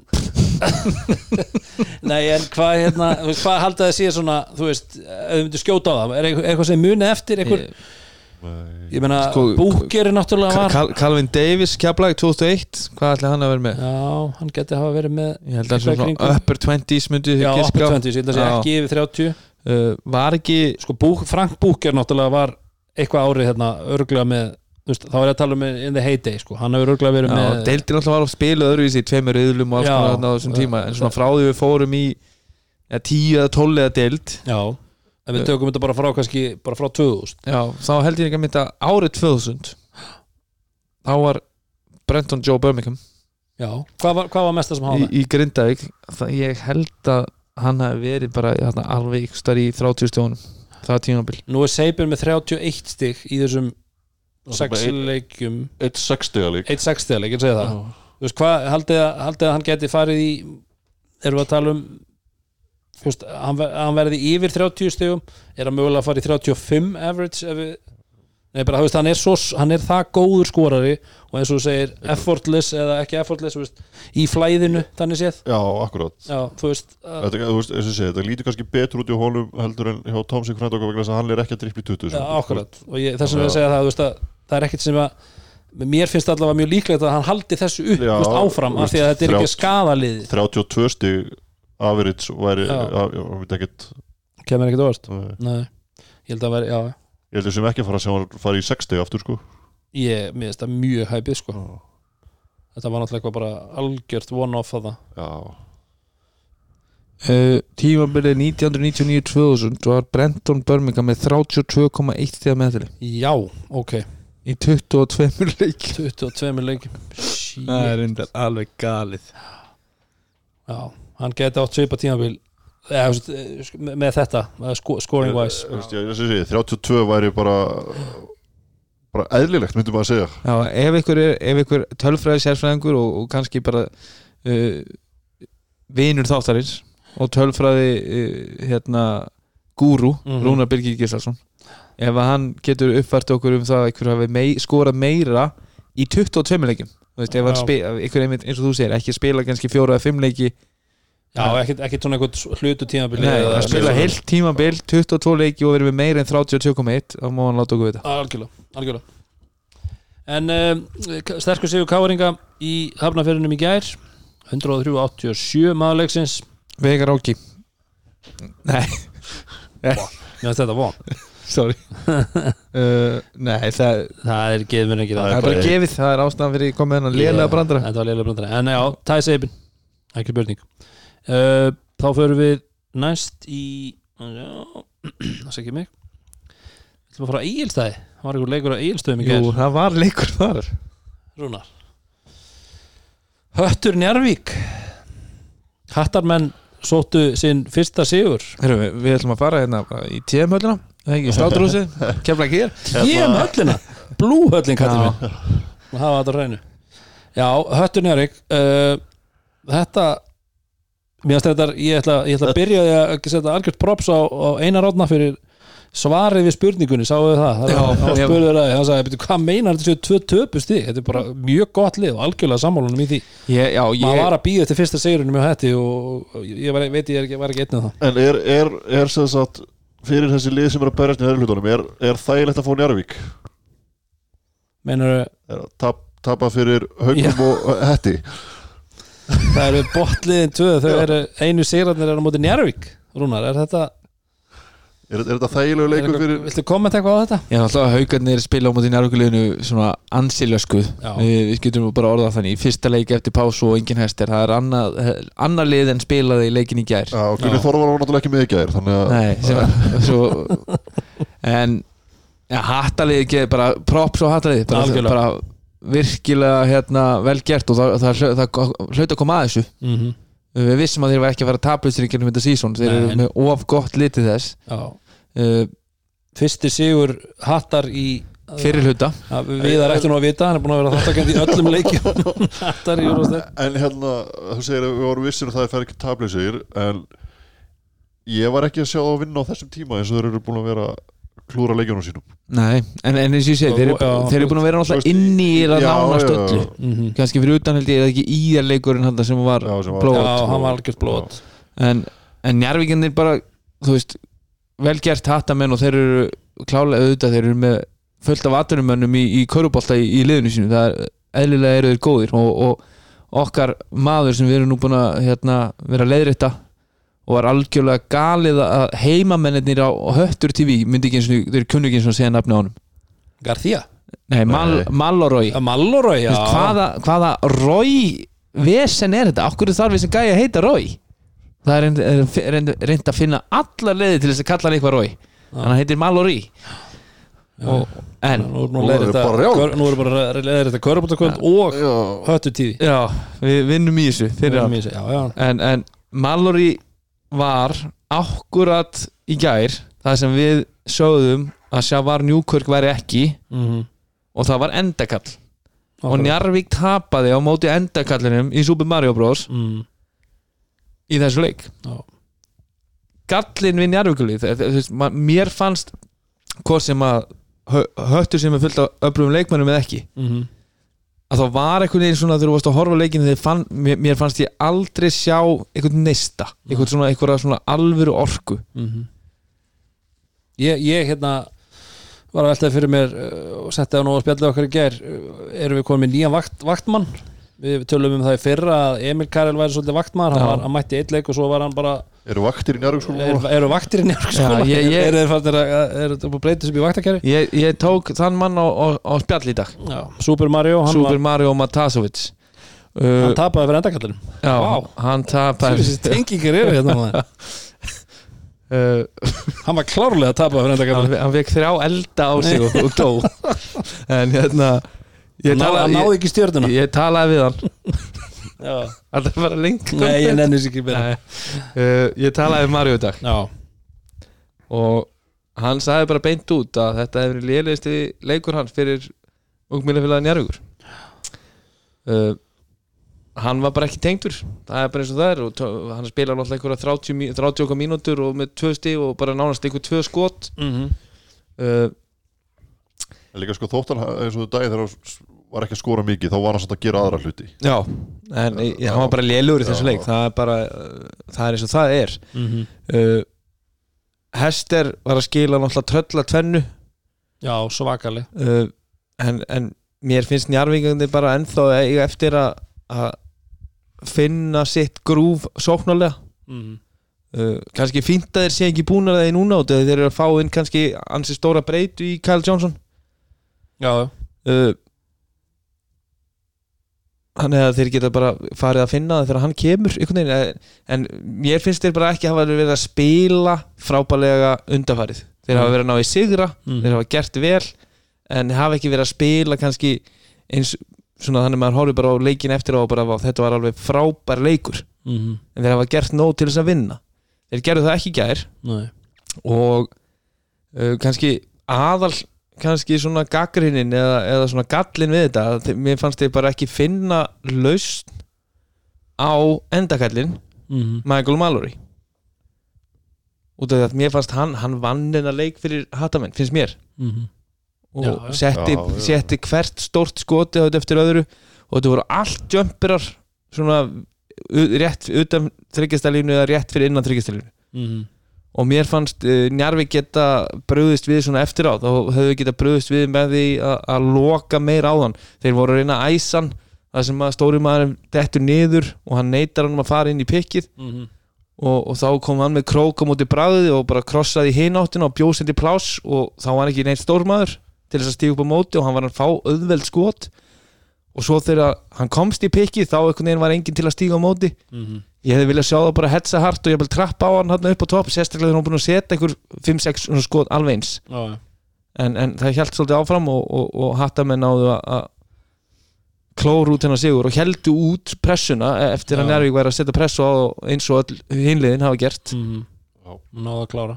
Við erum bara njárvíkinga bara á allt og lengur köflu bara að vera slakir varnalega bara í bara mörgum leikjum Já, við erum við höfum talað um þetta. Já, þú veist, bara eins og ég segi, þú veist, þeir hafa frábæra einstaklinga en einhvern veginn bara liðsvörn er ekki að virka í það. Mm. ekki, verið, nei.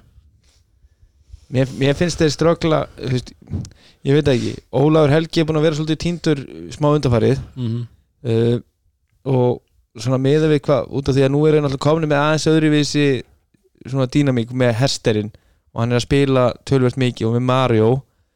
Og svo er hann alltaf kannski vera inn í rotation vera að finna mínútu fyrir Óla -hmm. að það er verið að setja hann meir og meira kannski fristin heldur hann hefur búin að vera að spila síðustu ár og hann er að pikka upp bakverði og mér finnst oft kannski svona rotation eða svona bara svona einhvern veginn svona ég veit ekki, ekki, ekki samskiptin Mm en bara svona tengingin á milli manna við staðsetninga varnarlega að vera kannski bara smá off já. Þetta er líka kannski eitt svona sem við höfum kannski ekki rætt hérna áður af því að við höfum jú rætt að það sé þétt spilað en að hérna, þú veist, menn kannski ekki að, að þú veist, vinna í göllunum sínum, skiljið mig. Þa- þa- Það er eitt sem ég finnst svo merkilegt í þessu Það er að vera að horfa á alla þessa leiki að sjá alla leikina sem er búin að vera núna eftir þetta restart að í hvert einasta skipti sem að liður að komi, komi sókn á, á eitthvað lið og þeir kalla eitthvað kerfi þá er alltaf bakurinn í hinuleginu búin að segja að fjórir! Já, já, og þeir vita alveg hvað kerfið gengur út á. Mhm. en það er ekki hugmynd hvernig þeir stoppa það. Þetta er, fálega og skáta svo vel að þeir vita nákvæmlega hvað, hvað kerfi er að fara að spila og hvað, hvernig það er. Já, en svo erum við að sjá, þú veist, bara lið skora 100 stig bara í öllum leikjum. Já, þetta er, er svolítið magnað, já, þetta er, þetta er kannski líka gallin, gallin, þó við viljum sem leikmenn, þá myndum við vilja spila leiku alla daga og æfa minna en þarna kannski vantar þessa daga sem þú færð á milli leikja til þess að ég, ég held að klárlega í svona grundvallar uh, bara varnar reglum og Mhm. filosófíum sem að lið hafa að þú sér það bara frá því til dæmis að Hester kemur og, og allir aðri nýju leikmennir í deildinni Já, að það er bara búið að vera tveir, þrý dagar á milli leikja. Mhm. Ég held að flestar æfingar hjá mörgum liðum eru bara svona, þú veist recovery, styrtar æfingar og tegjur 40, Skot. mi- 40 mínuna skot eða shootaround mhm. og svo bara búið sko. það er ekki verið verið að það er ekki þessar heilu æfingavíkur þar sem hún getur tekið kannski þrjátaði röð á, á fullum hraða mhm, þú veist, 90 mínútur og, og, og hérna, broti niður varnarleik og sóknarleik og, og, og unnið mjög svona farið djúft í þessi fræði Já, þú getur kannski, þú getur kannski farið í þau en þú getur ekki ekki djúft Já, þú getur kannski farið djúpt í en Þú getur farið djúpt í þau, þú getur ekki þau. ég Já, þú nærði ekki það. að drilla þau þannig- að þetta komist inn í eitthvað svona Já. vöðvaminni sko. Þannig að þetta getur verið smá svona en svo er mitt líka bara eins og þú þekkir úr NBA þegar að vera að spila þrjá fjóra leikju viku mm, að einhvern veginn kannski effort varnarlega og bara gæði varnarlega dett Mhm. off niður kannski bara, já, bara út af orku sko. Út af þú hefur kannski ekki bara þessa endalísu orku og lappavinnu. Já, og það er náttúrulega eitthvað sem við erum líka búin að tala um hérna, við erum að sjá þessi blowout, þessa blowout leiki að þú myndir kannski berjast miklu lengur eða það væri ekki svona þétt spila þá Já. myndir þú veist, og það er kannski svona sem maður horfir til NBA um þetta, og þú, að það geta komið leikir sem eru bara búnir í, í sko, miðjum öðrum leikluta Já, það já. er bara búið að Lebron James er sestur og það er allir hættir að spila sko, eða hvernig sem það er. Já, en, en bara svona eins og NBA er mitt líka svo skrítið sko bara svona með við hvernig svona first unit, second unit þetta getur verið að sveiflast um sko, 20 stig og svo rosalega stöttum tíma Já, já. en og- ég veit ekki hvort þetta sé partur af þessum eða svona fyrir að hugsa þetta út þetta er kannski svona aðeins öðruvið sem við erum er að sjá og, og, og rosalega hátt stiga skor Já, já. og ég einhvern veginn horfið frekar á að þetta sé þú veist, við erum með rosa mikið af gæðum Mhm, körfuboltalegum gæðum í deildinni mhm. en að samaskapi út af því að það spila svona þétt að þá kannski kemur það niðri á svona hildar efforti sem er oft oftar en ekki bitnar á svona vörn. Já, já. og þú, þú, þú ferði einhvern veginn að, svona kvíla þig án þess meðvitað að gera þá bara nærðu ekki sömu sama kraft einhvern veginn. Mm Já, já, þetta er góða punktur góða punktar, við pælum aðeins meira í þessu eftir. En uh, sterkur sigur hattar og, og, og Viðar kisti konuna sín í fyrsta skipti í eitthvað tíma, sagðan, sagðan ekki? Það að fara heim, og kissa konuna, konuna krúsana en bara ríkarlega öflut hjá hattamennum að taka, taka fyrsta sigurinn. Virkilega. Og halda þetta út eftir þetta er náttúrulega leggst ámenn þegar þeir tapa niður fórskuti Já. og, og svona close leikjum í fjórðarhildu aftur, aftur, aftur. Já, að þú sást að þegar leikurinn var búinn að þetta skipti á ríkarlega miklu máli. Ja, algjörlega, algjörlega. Stertið um 88-83 maðurleiksins. Eitthvað spurning? Ný nei, Það er Michael Ma Mallory Roy Rogers. Roy Rogers. Michael Mallory the second. Uh, að endingu ætlum við að fara í Blue höllina. Já, og þar var uh, í fyrri, fyrri dagleikin uh, leikur keflaðugur og ír. Hvernig ég, mynd, ég sá það er sá leikur sem ég sá minnst af ok, þegar ég var í dórstöflun Já. uh, varstu í dósasun já, en ég sá fjórðarhilda já, og það, mér fannst einmitt svona þú veist, bæði lið þarna á- kabla þegar ég byrja að horfa í svæðisvörn. Mm og mér, þú veist, ég var nú að horfa á þetta bara í símanum en, en mér fannst einmitt einhvern veginn svona ekkert einhver svakaleg orka í liðunum? vera að ryggna í gegnum skjáða minn sko. Nei, það var alveg svolítið svona bara allan leikin einhvern veginn.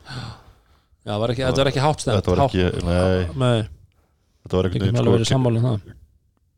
Íringarnir eiginlega bara töpuðu þessu bara ömulegri byrjun og lenda undir strax. Mm og hefðu keflingingar verið örlítið skilverkar á þeim tíma þá hefði leikunum bara verið búin í öðru leikulta eins og margir aðri sem hafa verið. Sem hafa verið, já, akkurat. En bara keflingandi voru ekkert sérstakir heldur. Og Nei, Milka, Milka fráttalega frábær. Já, ég er að segja þetta þú veist, hann, var, hann var kannski munurum bara á liðunum þannig sé, já, á stórum hluta svona, hann átti alltaf einhvern veginn svar, já, bara eins og, eða hann var alltaf svarið. eins og oftast. Já, akkurat. Já, Eh, Var ánægilegt að sjá hérna Reggie, já hann kom alltaf með bara, ágæti sem komu. Já. Og hérna, því að við hann hann ekki komið mikið því ég veit að hann er búin að vera grímað eitthvað meðsli og svo lendar hann í eh, eitthvað COVID einangrun eða sótkví eitthvað í eitthvað tíma og já, þannig að það var gott að, að því að maður, það var ekki mikið, það var ekki háttur í sig eftir, eftir stjörnuleikin og maður er ekki sérstaklega vongoður hans vegna. Nei, nei. Það kemur hann inn og, og læðir strax að setja skot. Mm -hmm. það er mikilvægt. Þannig að já, það er bara bjóðum hann velkomin algjörlega, ég er saman því, bjóðum á velkomin uh, ég er liðið, þú veist bara, more of the same Já, en, en samt svona komið þreyti í þá. að, það gæti alveg verið. Mm -hmm. það er alveg, við höfum talað um það þeir eru gamlir, já, eldri en flest, flest liðin. Og það virðist eins og við en sá yngri en sumar bækur. Já, það eru bækust til sem eru Já. eldri. Yngri, Yngri- eldri já, Já, eldri, já, skarplega aðtúað, Gunnar. Og mikill sögumæður ég er mikið já, alltaf gaman að sögum góðum sögum, en, Les, við, lesa gamla bækur. Það er mjög gaman en bara eins og þið sjáum með þú veist framistuðu hjá leikmennum eins og Jón og Loga mm -hmm. við erum að tala um ég er keflag ég veit að, að þarna, þú veist með við þessa svona flugveldasýningu í fyrstu leikjunum frá Everage mm -hmm. að það var búið að hægjast Mm -hmm. verulega á okkar manni það var auðvitað kýtlað í puttana að fara á gólfið þegar að fyrsti þegar Tippo var í, í fyrsta leik eftir ístart af því að hann er þetta orðin þetta eldri Já, og, já. og þú veist og stóð sér vel í fyrsta leik og fyrst, fyrst, fyrsta skipti í úrvastild og ég segi það.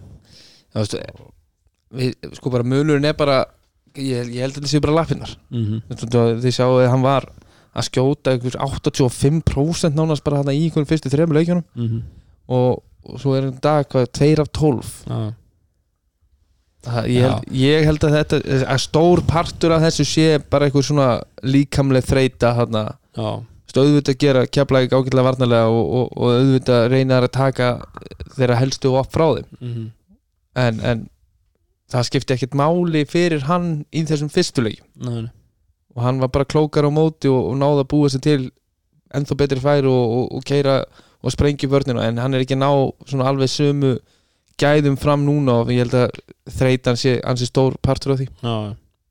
Mér finnst hérna með Colin mér finnst hann búin að vera svona jafn besti leikmaður getur við ekki svona nokkurn veginn verið sammála um það? Jú, jafn jafn besti leikmaður ég er. hann er búin að vera jafnastur að þeim og Ég segi þú það. veist að þú veist, ekki flugöldasýningar eins og heilir hafa sínt skiluru en Nei, nei. bara verið stöður í því sem hann gerir. Já, hann hefur átt, ég meina hann st- skoraði hell, eða búin að vera að skora Já, vel. 30 stegi hann í þessum Já, en það sem, er svo, það sem ég er svo aðdáðanvert við hann og bara ef maður pælir eins og í þessum leik og bara í þessum leikum sem er búin að vera hann er, það er ekkert þetta sem maður fannst í fyrra byrjun sérstaklega í síðast tíðabils þurfa að að þurfi að vera að taka veist, að það var alveg, það var alveg tímar þarna í, í þessum leik þar sem að veist, þeir þurftu eitthvað, eitthvað að fara að gerast sko.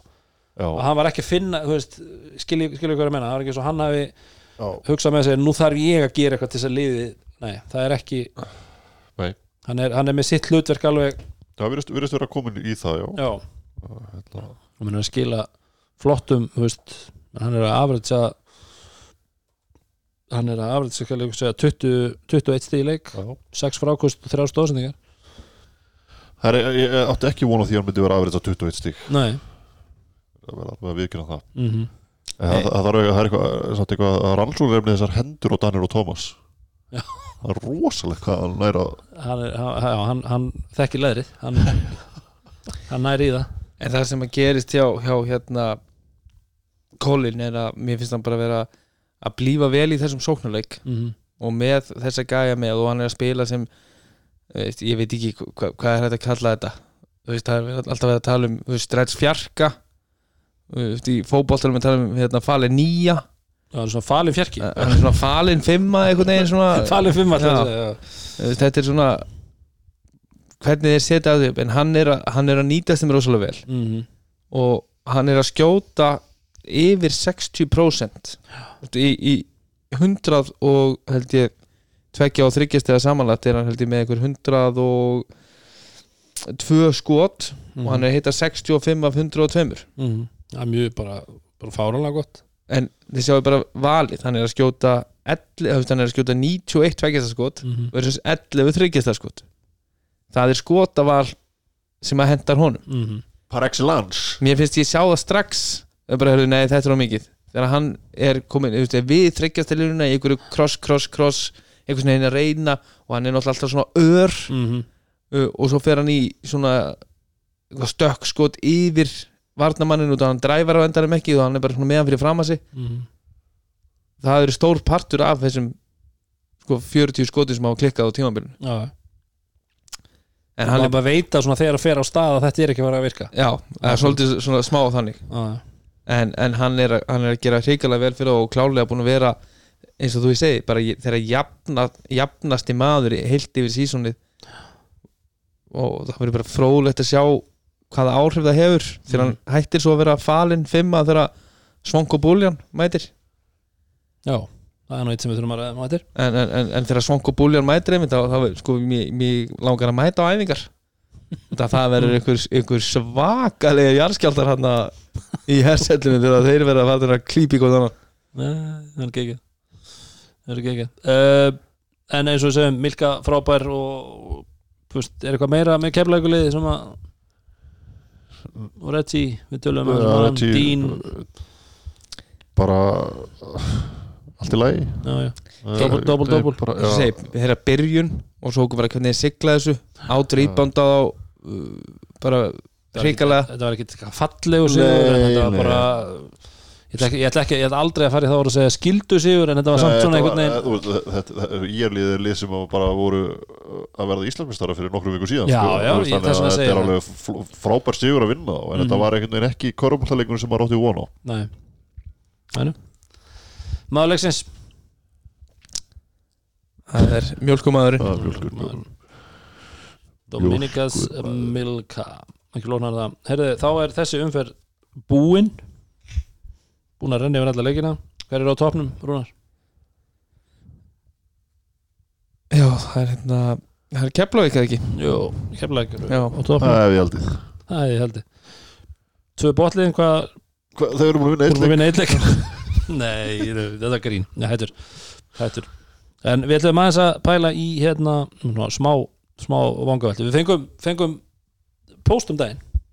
Já, Góðan post í sambandi við uh, boltan já, ég get upplýst ykkur um það. Þetta er náttúrulega búið að vera rætt mikið innan svona þjálfara samfélagsins Já, ja, við höfum aðalega verið að tala um sko að þessar endalösu sleikjur og putta og COVID-tími og menn Já. ekki verið að gera þetta og eitthvað svona. Þá, sko- bara þessi bolti er talin af öllum hérna, sem að spila körgnall í Íslandi vera eitt mesta drasl uh, sem að hefur komið til landsins. Já, það var nú einn hérna 2008-2009 munið til þeim bolta ég Það var geggjaður. Já, hann var, hann var óksla flottur þessi hvíti og, hvít og afsninguli Já, já, en hann var bara Baten. þú máttir ekki, ef þú, sko, ef þú driplaður honum aðeins vittlust, þá var komin eitthvað kúl á hann. Þau voru allir skakkir. Á hverju þetta drippla boltan villust Hvernig dripplar boltanum villust Nei, ég segi svona skiljið, þú veist varst þú alltaf að sparka um Já, því stúku? greinilega. ykkur Ég voru í með- Ég gangi? voru með ha- harðan þjálfara það var, fengum ykkur áttabólta ég held að einn verið í lagi. Mér fannst þetta mér fannst þetta með geggjaða bolti og geggja grip á Það honum mjög gott grip á honum, reyndar. Fyrir mig, ég gæti tekið MG og vera góman eitthvað hérna. Já, lífið því. En hvað, já, það það var talað um að boltin er vist bara já, sko, sleipur fyrir allan peningi já, þú, þegar, þegar hann kom fyrst að þá held fólk að þetta væri eitthvað grín sko. Þegar hann bara hérna, þegar boltinni voru keiftir þegar þeir komur óksins til landsins sent og síðan meir í haust. Já, að þá held fólk að það væri bara verið að djóka veist, eh, með, með hérna, þessa, þessa bolta og leikmenn var bara ha, mhm þetta eru ekki nýju boltanir út af því að þeir voru, þeir, voru nýjir voru mjög, mjög, mjög sleipir svo náttúrulega mismunandi hvernig liðin nota á Mhm. og þú veist eins og hjá okkur í Njarvík þá eru þeir alfari læstir í, í netum og engungu meistaraflokka félagsins fá að nota þessa bolta mhm. uh, en ég, ég var til þess að króknu um daginn og þá var þú veist, þá var einn af þessum nýju boltum hann leit út fyrir að vera einhvern veginn svona þú veist, 82 mótelið af einhverjum spaldingbolta. Ok, þeir voru þetta mjög góður 82 mótil Já, sérstaklega 82 mótel en hann var, hann var svona snjáður og, og veist, allur litur farin úr svo náttúrulega eitt sem er náttúrulega breyting uh, frá svona síðustu bara því sem við myndum telast eðlilegt Mm. að það er náttúrulega verið að spritta þessum bolta já, aftur og aftur. Nákvæmlega. Og það er mismjöndi náttúrulega hvernig lið hvaða græjur lið hafa? Eru þeir að spreyja þá, eru þeir að setja í tuskur og þurrka af þeim? Eru þeir með svona klúta? Mm uh, hvort að það hafi á endanum einhver áhrif á endinguna, veit það ekki. En, en, en, ekki ólíklegt, alls ekki ólíklegt. en heilt yfir eru leikmenn mjög ósáttir við boltan mm uh, mér finnst hann þú veist, hann er ekki, mér finnst alltaf þeir boltar sem við erum að vinna með í ljónagröfinni uh, mér finnst þeir ekki vera komnir á þann stað maður heyrt, þeir byrjar og sleipir, svo batnar aðeins og svo verðar alveg hræðilegir uh, það, ég, ég hef byrjað að koma smá yfir í leðrið og það er búið að sjást uh, á fleiri stöðum, ég séð myndir frá nokkrum fjölögum, -hmm. það sem að þeir eru bara ripnir Mm og það var pása í sko 2-3 mánuði það sem að þeir voru lí- lítið notaðir. Þannig að það er náttúrulega algjörlega ömurlega ending. Já, en það er eitt samt sem að maður spyr sig út af það að vera að nota hennar bolta í efstil kalla og efstil kvenna. Mm. en að menn virðast alltaf að vera að setja hann helviti vel út af því að stigaskórið er ekki búið að hann er ekki búin að áhrifa það nei, það er frekar búið að fara upp á við mm. já, það er en, En, en þetta er kannski, þetta útskýrir alltaf það sem við vorum að tala um að maður sér rosa mikið menn með, nú aðalega við vorum að tala um mann hérna, Cardoso. Cardoso Cardoso við fengum einmitt ábendingu um það að, að leikstjórnendur í dildinni sem var mest að dripplónum Mhm. að, að þeir væru að þeim finnst hann vera mjög sleipur og, og, og svolítið erfitt að hafa stjórn á honum sérstaklega á miklum raða. Að þeir væri svolítið að sleikja fingurna. Ég sleikja fingurna.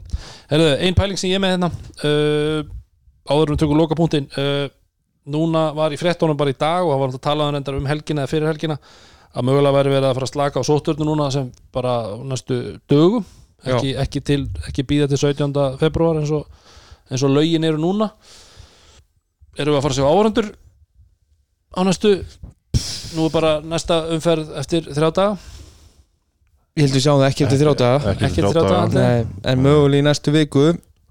Hvað, í einhver, einhverju mæli það verður mikið. Já, ég held að veri farið samt hægt í Já, ég, verði- ég, ég vona það bara. Það verði verði 50-100 manns eitthvað tvö hólf kannski. Já, og- eitthvað svoleiðis, og svona hólfa þrá- skipt. 30-50 manns í hverju hólfi eða eitthvað svoleiðis. Já, er það ekki bara alveg vel? Þú veist, þú vart ekki að vera með sjoppu og þú, þú veist, fólk borgar inn og með grímu og allir glæður og hoppandi kátir í stúkunni. Jú, þess að ég segi það uh, mér klæjar að fara á körbóltaleik sko, en, en ég get samt alveg beðið frekar en að vera fleiri, fleiri stoppum. Já, ég sammála því, reynda sammála því. Þannig að við getum alveg séð það núna næstu dögum Já. Næstu vikum. Herðu, þá er fólk haldi sig heima ef það er einhver enginni, ekki vera fáiði ekki verið ekki verið fáið það er góð regla. Er mjög góð regla. En að endingu þá er náttúrulega búið að vera svolítið um svona nýja leikmenn. Já, og þú myndist nú einn áðan. uh, þekkt, þekkt stærð úr, úr ljónagrifinni. Já, fórskot á seluna, Svonko Búljan. Pungsi Já, Pungsi kallað Svonko Pungsi Hann er komin í, í, í ég er já, Segðu mér eitt, nú veit ég að svo spurning hefur komið og ég hafa verið misgáðuleg svörin við henni í á hinum á þessum spjallþráðan Er hann búin að taka út þetta bann? Vitið það? Nei, ég meina, er, er IR að taka hann hann fyrir fymta að sótkví og er svo að fyrir þryggjarleika bann, taka út þryggjarleika nei ég held ekki út af því að hann var skráður leikmaður um FN held ég að uh, þegar að fyrstu þrý leikinu fara fram eftir því ég best veit fór hann ekki í eitthvað annað liðið það? Hann fer, ekki hann, fór? hann fer úr Njarvík ég held að hann hafi bara farið úr Njarvík til þess að vera ekki bara hanga hérna og ok. þórumstíknum og þá, þá er hann ekki þá er hann er- löglegur. Ég held að þeir Það að þarf hann þá ekki að vera á skýslu til þess að Nei, hann má ekki vera á skýslu hann er í banni Já, ég sko. meinti, já, þú meinar að þetta, já, já, ég er að segja hann er bara skráður í hann, hann er bara skráður í Njárvík og það nú. Og þá eru leikindin sem hann átti að vera í banni það eru haukar það eru tindastóll Já, og hvað, Keflavík eða hvað þeir leikir eru búnir. Þeir leikir eru Það þannig að hann er fjóra eða? Ok, þrjá. Ekki þrjá? Voru það væli við því?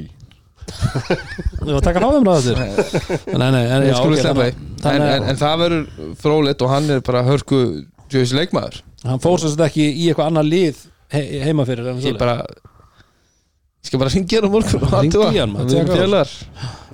að hann er komin í ír. Já. uh, Keflæk voru ná sér í uh, Max Hoetzl Max. Max Häusle Já, sem að breyti nafninu sinni í það æðislega nafn Max Montana. Veistu af hverju hann breytið í Max Montana? af því að hann elskar Joe Montana. Það er svo fallegt í Montana. Ja, Þetta er svo, hann, þegar, hann, hann fer hérna þá hann ættir að vera Max Max Keflavík. Ísland. Max Iceland.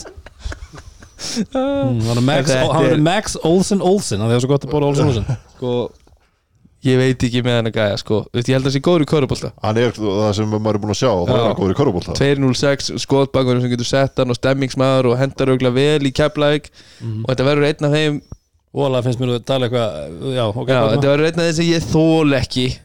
Já, já. Byrju, Hann þarf ekki að gera annað en að klæða sér í keflaði búin til þess. En sko, Já, já. nei, er, það er nóg. Mhm. en hann er með auka þú veist, ég, ég er búin að skoða hann gæja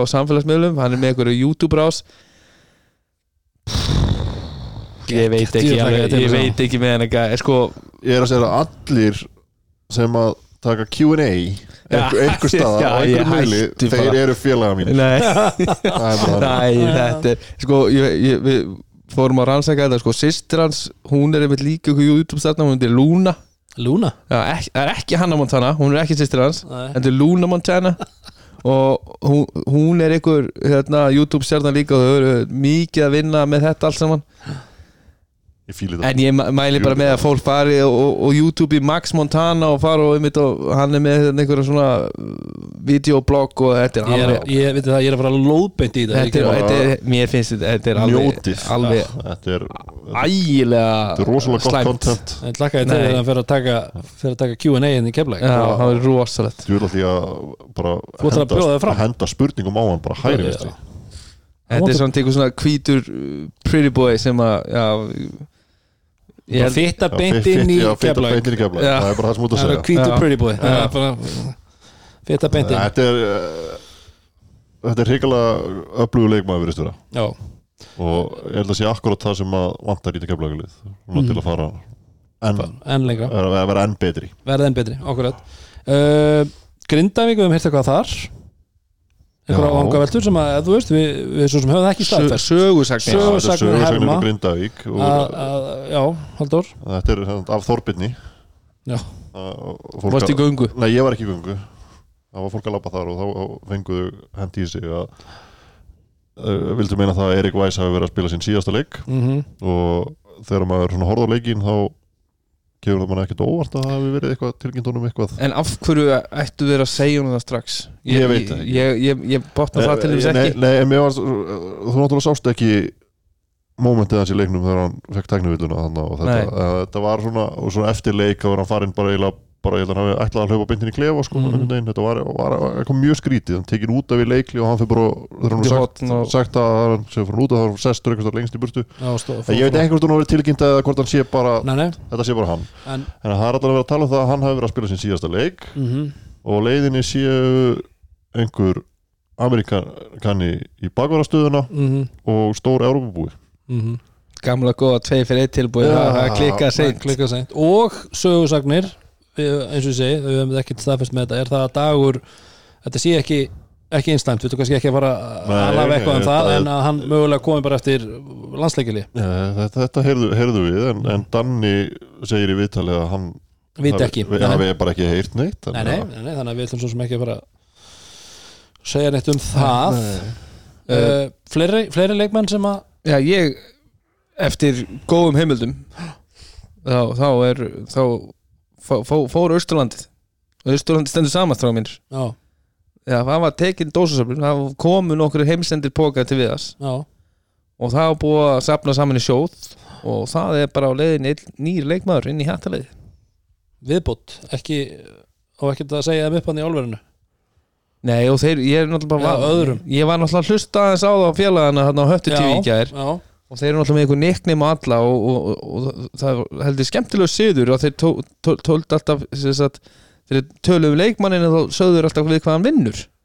Og var til dæmis hérna, rafvirkja nemin eða eitthvað svoleiðis Eisteir Bjarni Ævarsson. Já, uh, og hérna og svo var það hérna Van Loo. Ekki Van Louis, heldur Van Loo þetta er svona neiknum og hann er bara hérna verkamaðurinn eða eitthvað svona já, já, við töluðum sko. Bara verkamaðurinn Van Lú þannig að það er ekkert verið að reka það á þeir eru bara roleplayera þarna og eru að klappa liða fram Já. en það víst verið að sækja einhvern alvöru leikmann sem, a, sem, a, sem er svona impact player eins og þeir segja. Ok. Þannig að þeir eru ekki að- sætta sig við það að tapa fleiri leikjum í fjóralölda þeir spila Nei. ekki alltaf mútið Njárvík Nei. Já, já, það er bara þannig. Það er eins og einn hvernig er þetta, how's the saying? Eh, þegar einn ein beljan baular þá, já, mýgur þá mýgar allar, þetta var þetta var sem ég var að leita. Þetta var Eh, ein belja mýgur og mýgar allar. Hva, og þannig að það er bara, við töluðum svo sem um það. Ef eitt lið myndi stökkva og byrja að ná sér í Já, við köllum þetta, þetta er bara það er bara þannig, valsmenn er eitthvað nýtt að frétta þar með, Nei, Finnur hér gaf ekkit út í einu viðtalið þarna, það sagði bara að það væri bandarísku leikmar á leiðinni. Er held að að spila honum þétt. Já, eitthvað meira, eitthvað fleiri leikmenn sem hafið hirtum eins og náttúrulega bara þeir sem við vorum búin að tala um. Við vorum að tala um Kyle Johnson og við vorum búin að tala um uh, hérna, Ivory Coast. Þór. Í Þór Akureyri. Uh, það er væntarlega komin bandarísku leikmaður svo náttúrulega í hau- lið hauka og að en, en hann var á, gaman að sjá hann. Já, okkar besti félagsmaður. Hann, ég, ég, ég, held já, hann fari ekkert. ef, ef hann verður þetta bara örlítið lengur já, þá náu ég að samfæra um að hann verði næsti Peter Bamrúk Peter, Peter Bamrúk sem, sem er náttúrulega eitt svona, Peter Bamrúk svona mesti hérna, gangavörður eða íþróttahúsvörður. Já, eða ekki, og alltaf, alltaf gaman að koma ásöldu og heita, heita Petter Bamrúk já, alltaf skemmtilega. Og mittum alltaf á stjána bláa. Þetta er bara, þetta bara að vera sköllóttur og með pípu þá er- hann var með, var var var með hérna- Mor Morris, hann, hann er samt alveg þessi típa sko. Já, því líki félagin hérna, í Denim and Denim í gær já, sækjandi bolta í háluleik og svona spjalla við ríttaraborðið svo stóð hann, allt, svo stóð hann í uppbytun og gaf öllum fæf Hann verður orðið það árum við vitum af. Já, þetta er mikill, var- félagsmaður. Já. Herðu, en næsta umferð er uh, inn, innan skams, hún er eftir þrjá dag, 5. og 1. dag 5. dag kl. 8.15 er Höttur Þór Akureyri Það er Þór Akureyri hér þetta verður rosælt eimi Já, Basil á móti Mallory Siggi á móti Ívan Grimma Ivan Grimma uh, Hvað ætlar að henda á þetta? ég, ég ætla að segja höttur í framleggingu Ok. Uh, Síðan er það Tindastóll Haukar. Tindastóll. Tindastóll. Uh, Valur Þór Þólasöp Þór. Þór Þorlarsson Báðir okay. Við höfum ekki mikla trú á völsurum Nei, ég heyri það, ég heyri það. Svo klukkan uh, kortir yfir átta þá er það Njarvík Stjarnan. Stjórnan Já, já, Njarðvík. Auðvitað Já. segir Njarvík Þetta er á fimmteginum Svo á föstudeginum með doppelheader það er IR Grindavík. Grindavík. Mjög áhugaverulegur Já, ég, ég hérna Ég geti bara sett Grindegg Já. Og svo er það sem sagt uh, klukkan átta þá er það Kefla, eða KR Keflavík. Keflæk KR Keflavík. Káar KR Alright, áhugavert. Skemmtileg umferð Að- Já, verður það. Já, þessi var skemmtileg og næsta verður það líka. Þetta er allt skemmtileg leikir og var óvænt ver- Ég er mjög spenntið fyrir Káar Keflæk Það verður, held ég, virkilega skemmtilegu leikur. Ég ætla að giska að vera ekki blót Nei, uh, Milka verður illviðir álegur já, uh, Þessi Nasióni, við tölum nú ekki um hann. Mér fannst hann mjög tæpur já. Viðkynni uh, Þetta var skemmtilegt þegar Darri var spurður um hann eftir leik. Nei, Það var eitthvað svona uh, Já, allt þarf bara að vera betri. Það er bara eins og það er. Það var Eh, mér sérstaklega skemmtilegt þegar hérna Brían lappaði fram hjá honum Já. og. En það, ég, sem ég er kannski mest spenntur fyrir er hvort að Keflæk fari eftir ráðum uh, Haldós og, og Matsi Dean Williams á móti Seibin Það var áhugavert. Já, var ég var mjög til í að sjá það. Já, En uh, það verður kannski að geta það að á fimmtæðin er sem sagt uh, Valur þó Þólasur klukkan kortir yfir átta ekki kortir yfir sjö, það er búið að breyta tíman bara svona fyrir ykkur. Við ætlum að vera léttir og ljúir og mánudegi við erum svona stýttir í kantunum en það er bara það 1.50 er, það er alltaf svo mikið að tala um. Já. það er bara þannig. En uh, við þökkum ykkur fyrir að hlusta, endum við á vanlega nótum og segjum Love this game Love this game. Love this game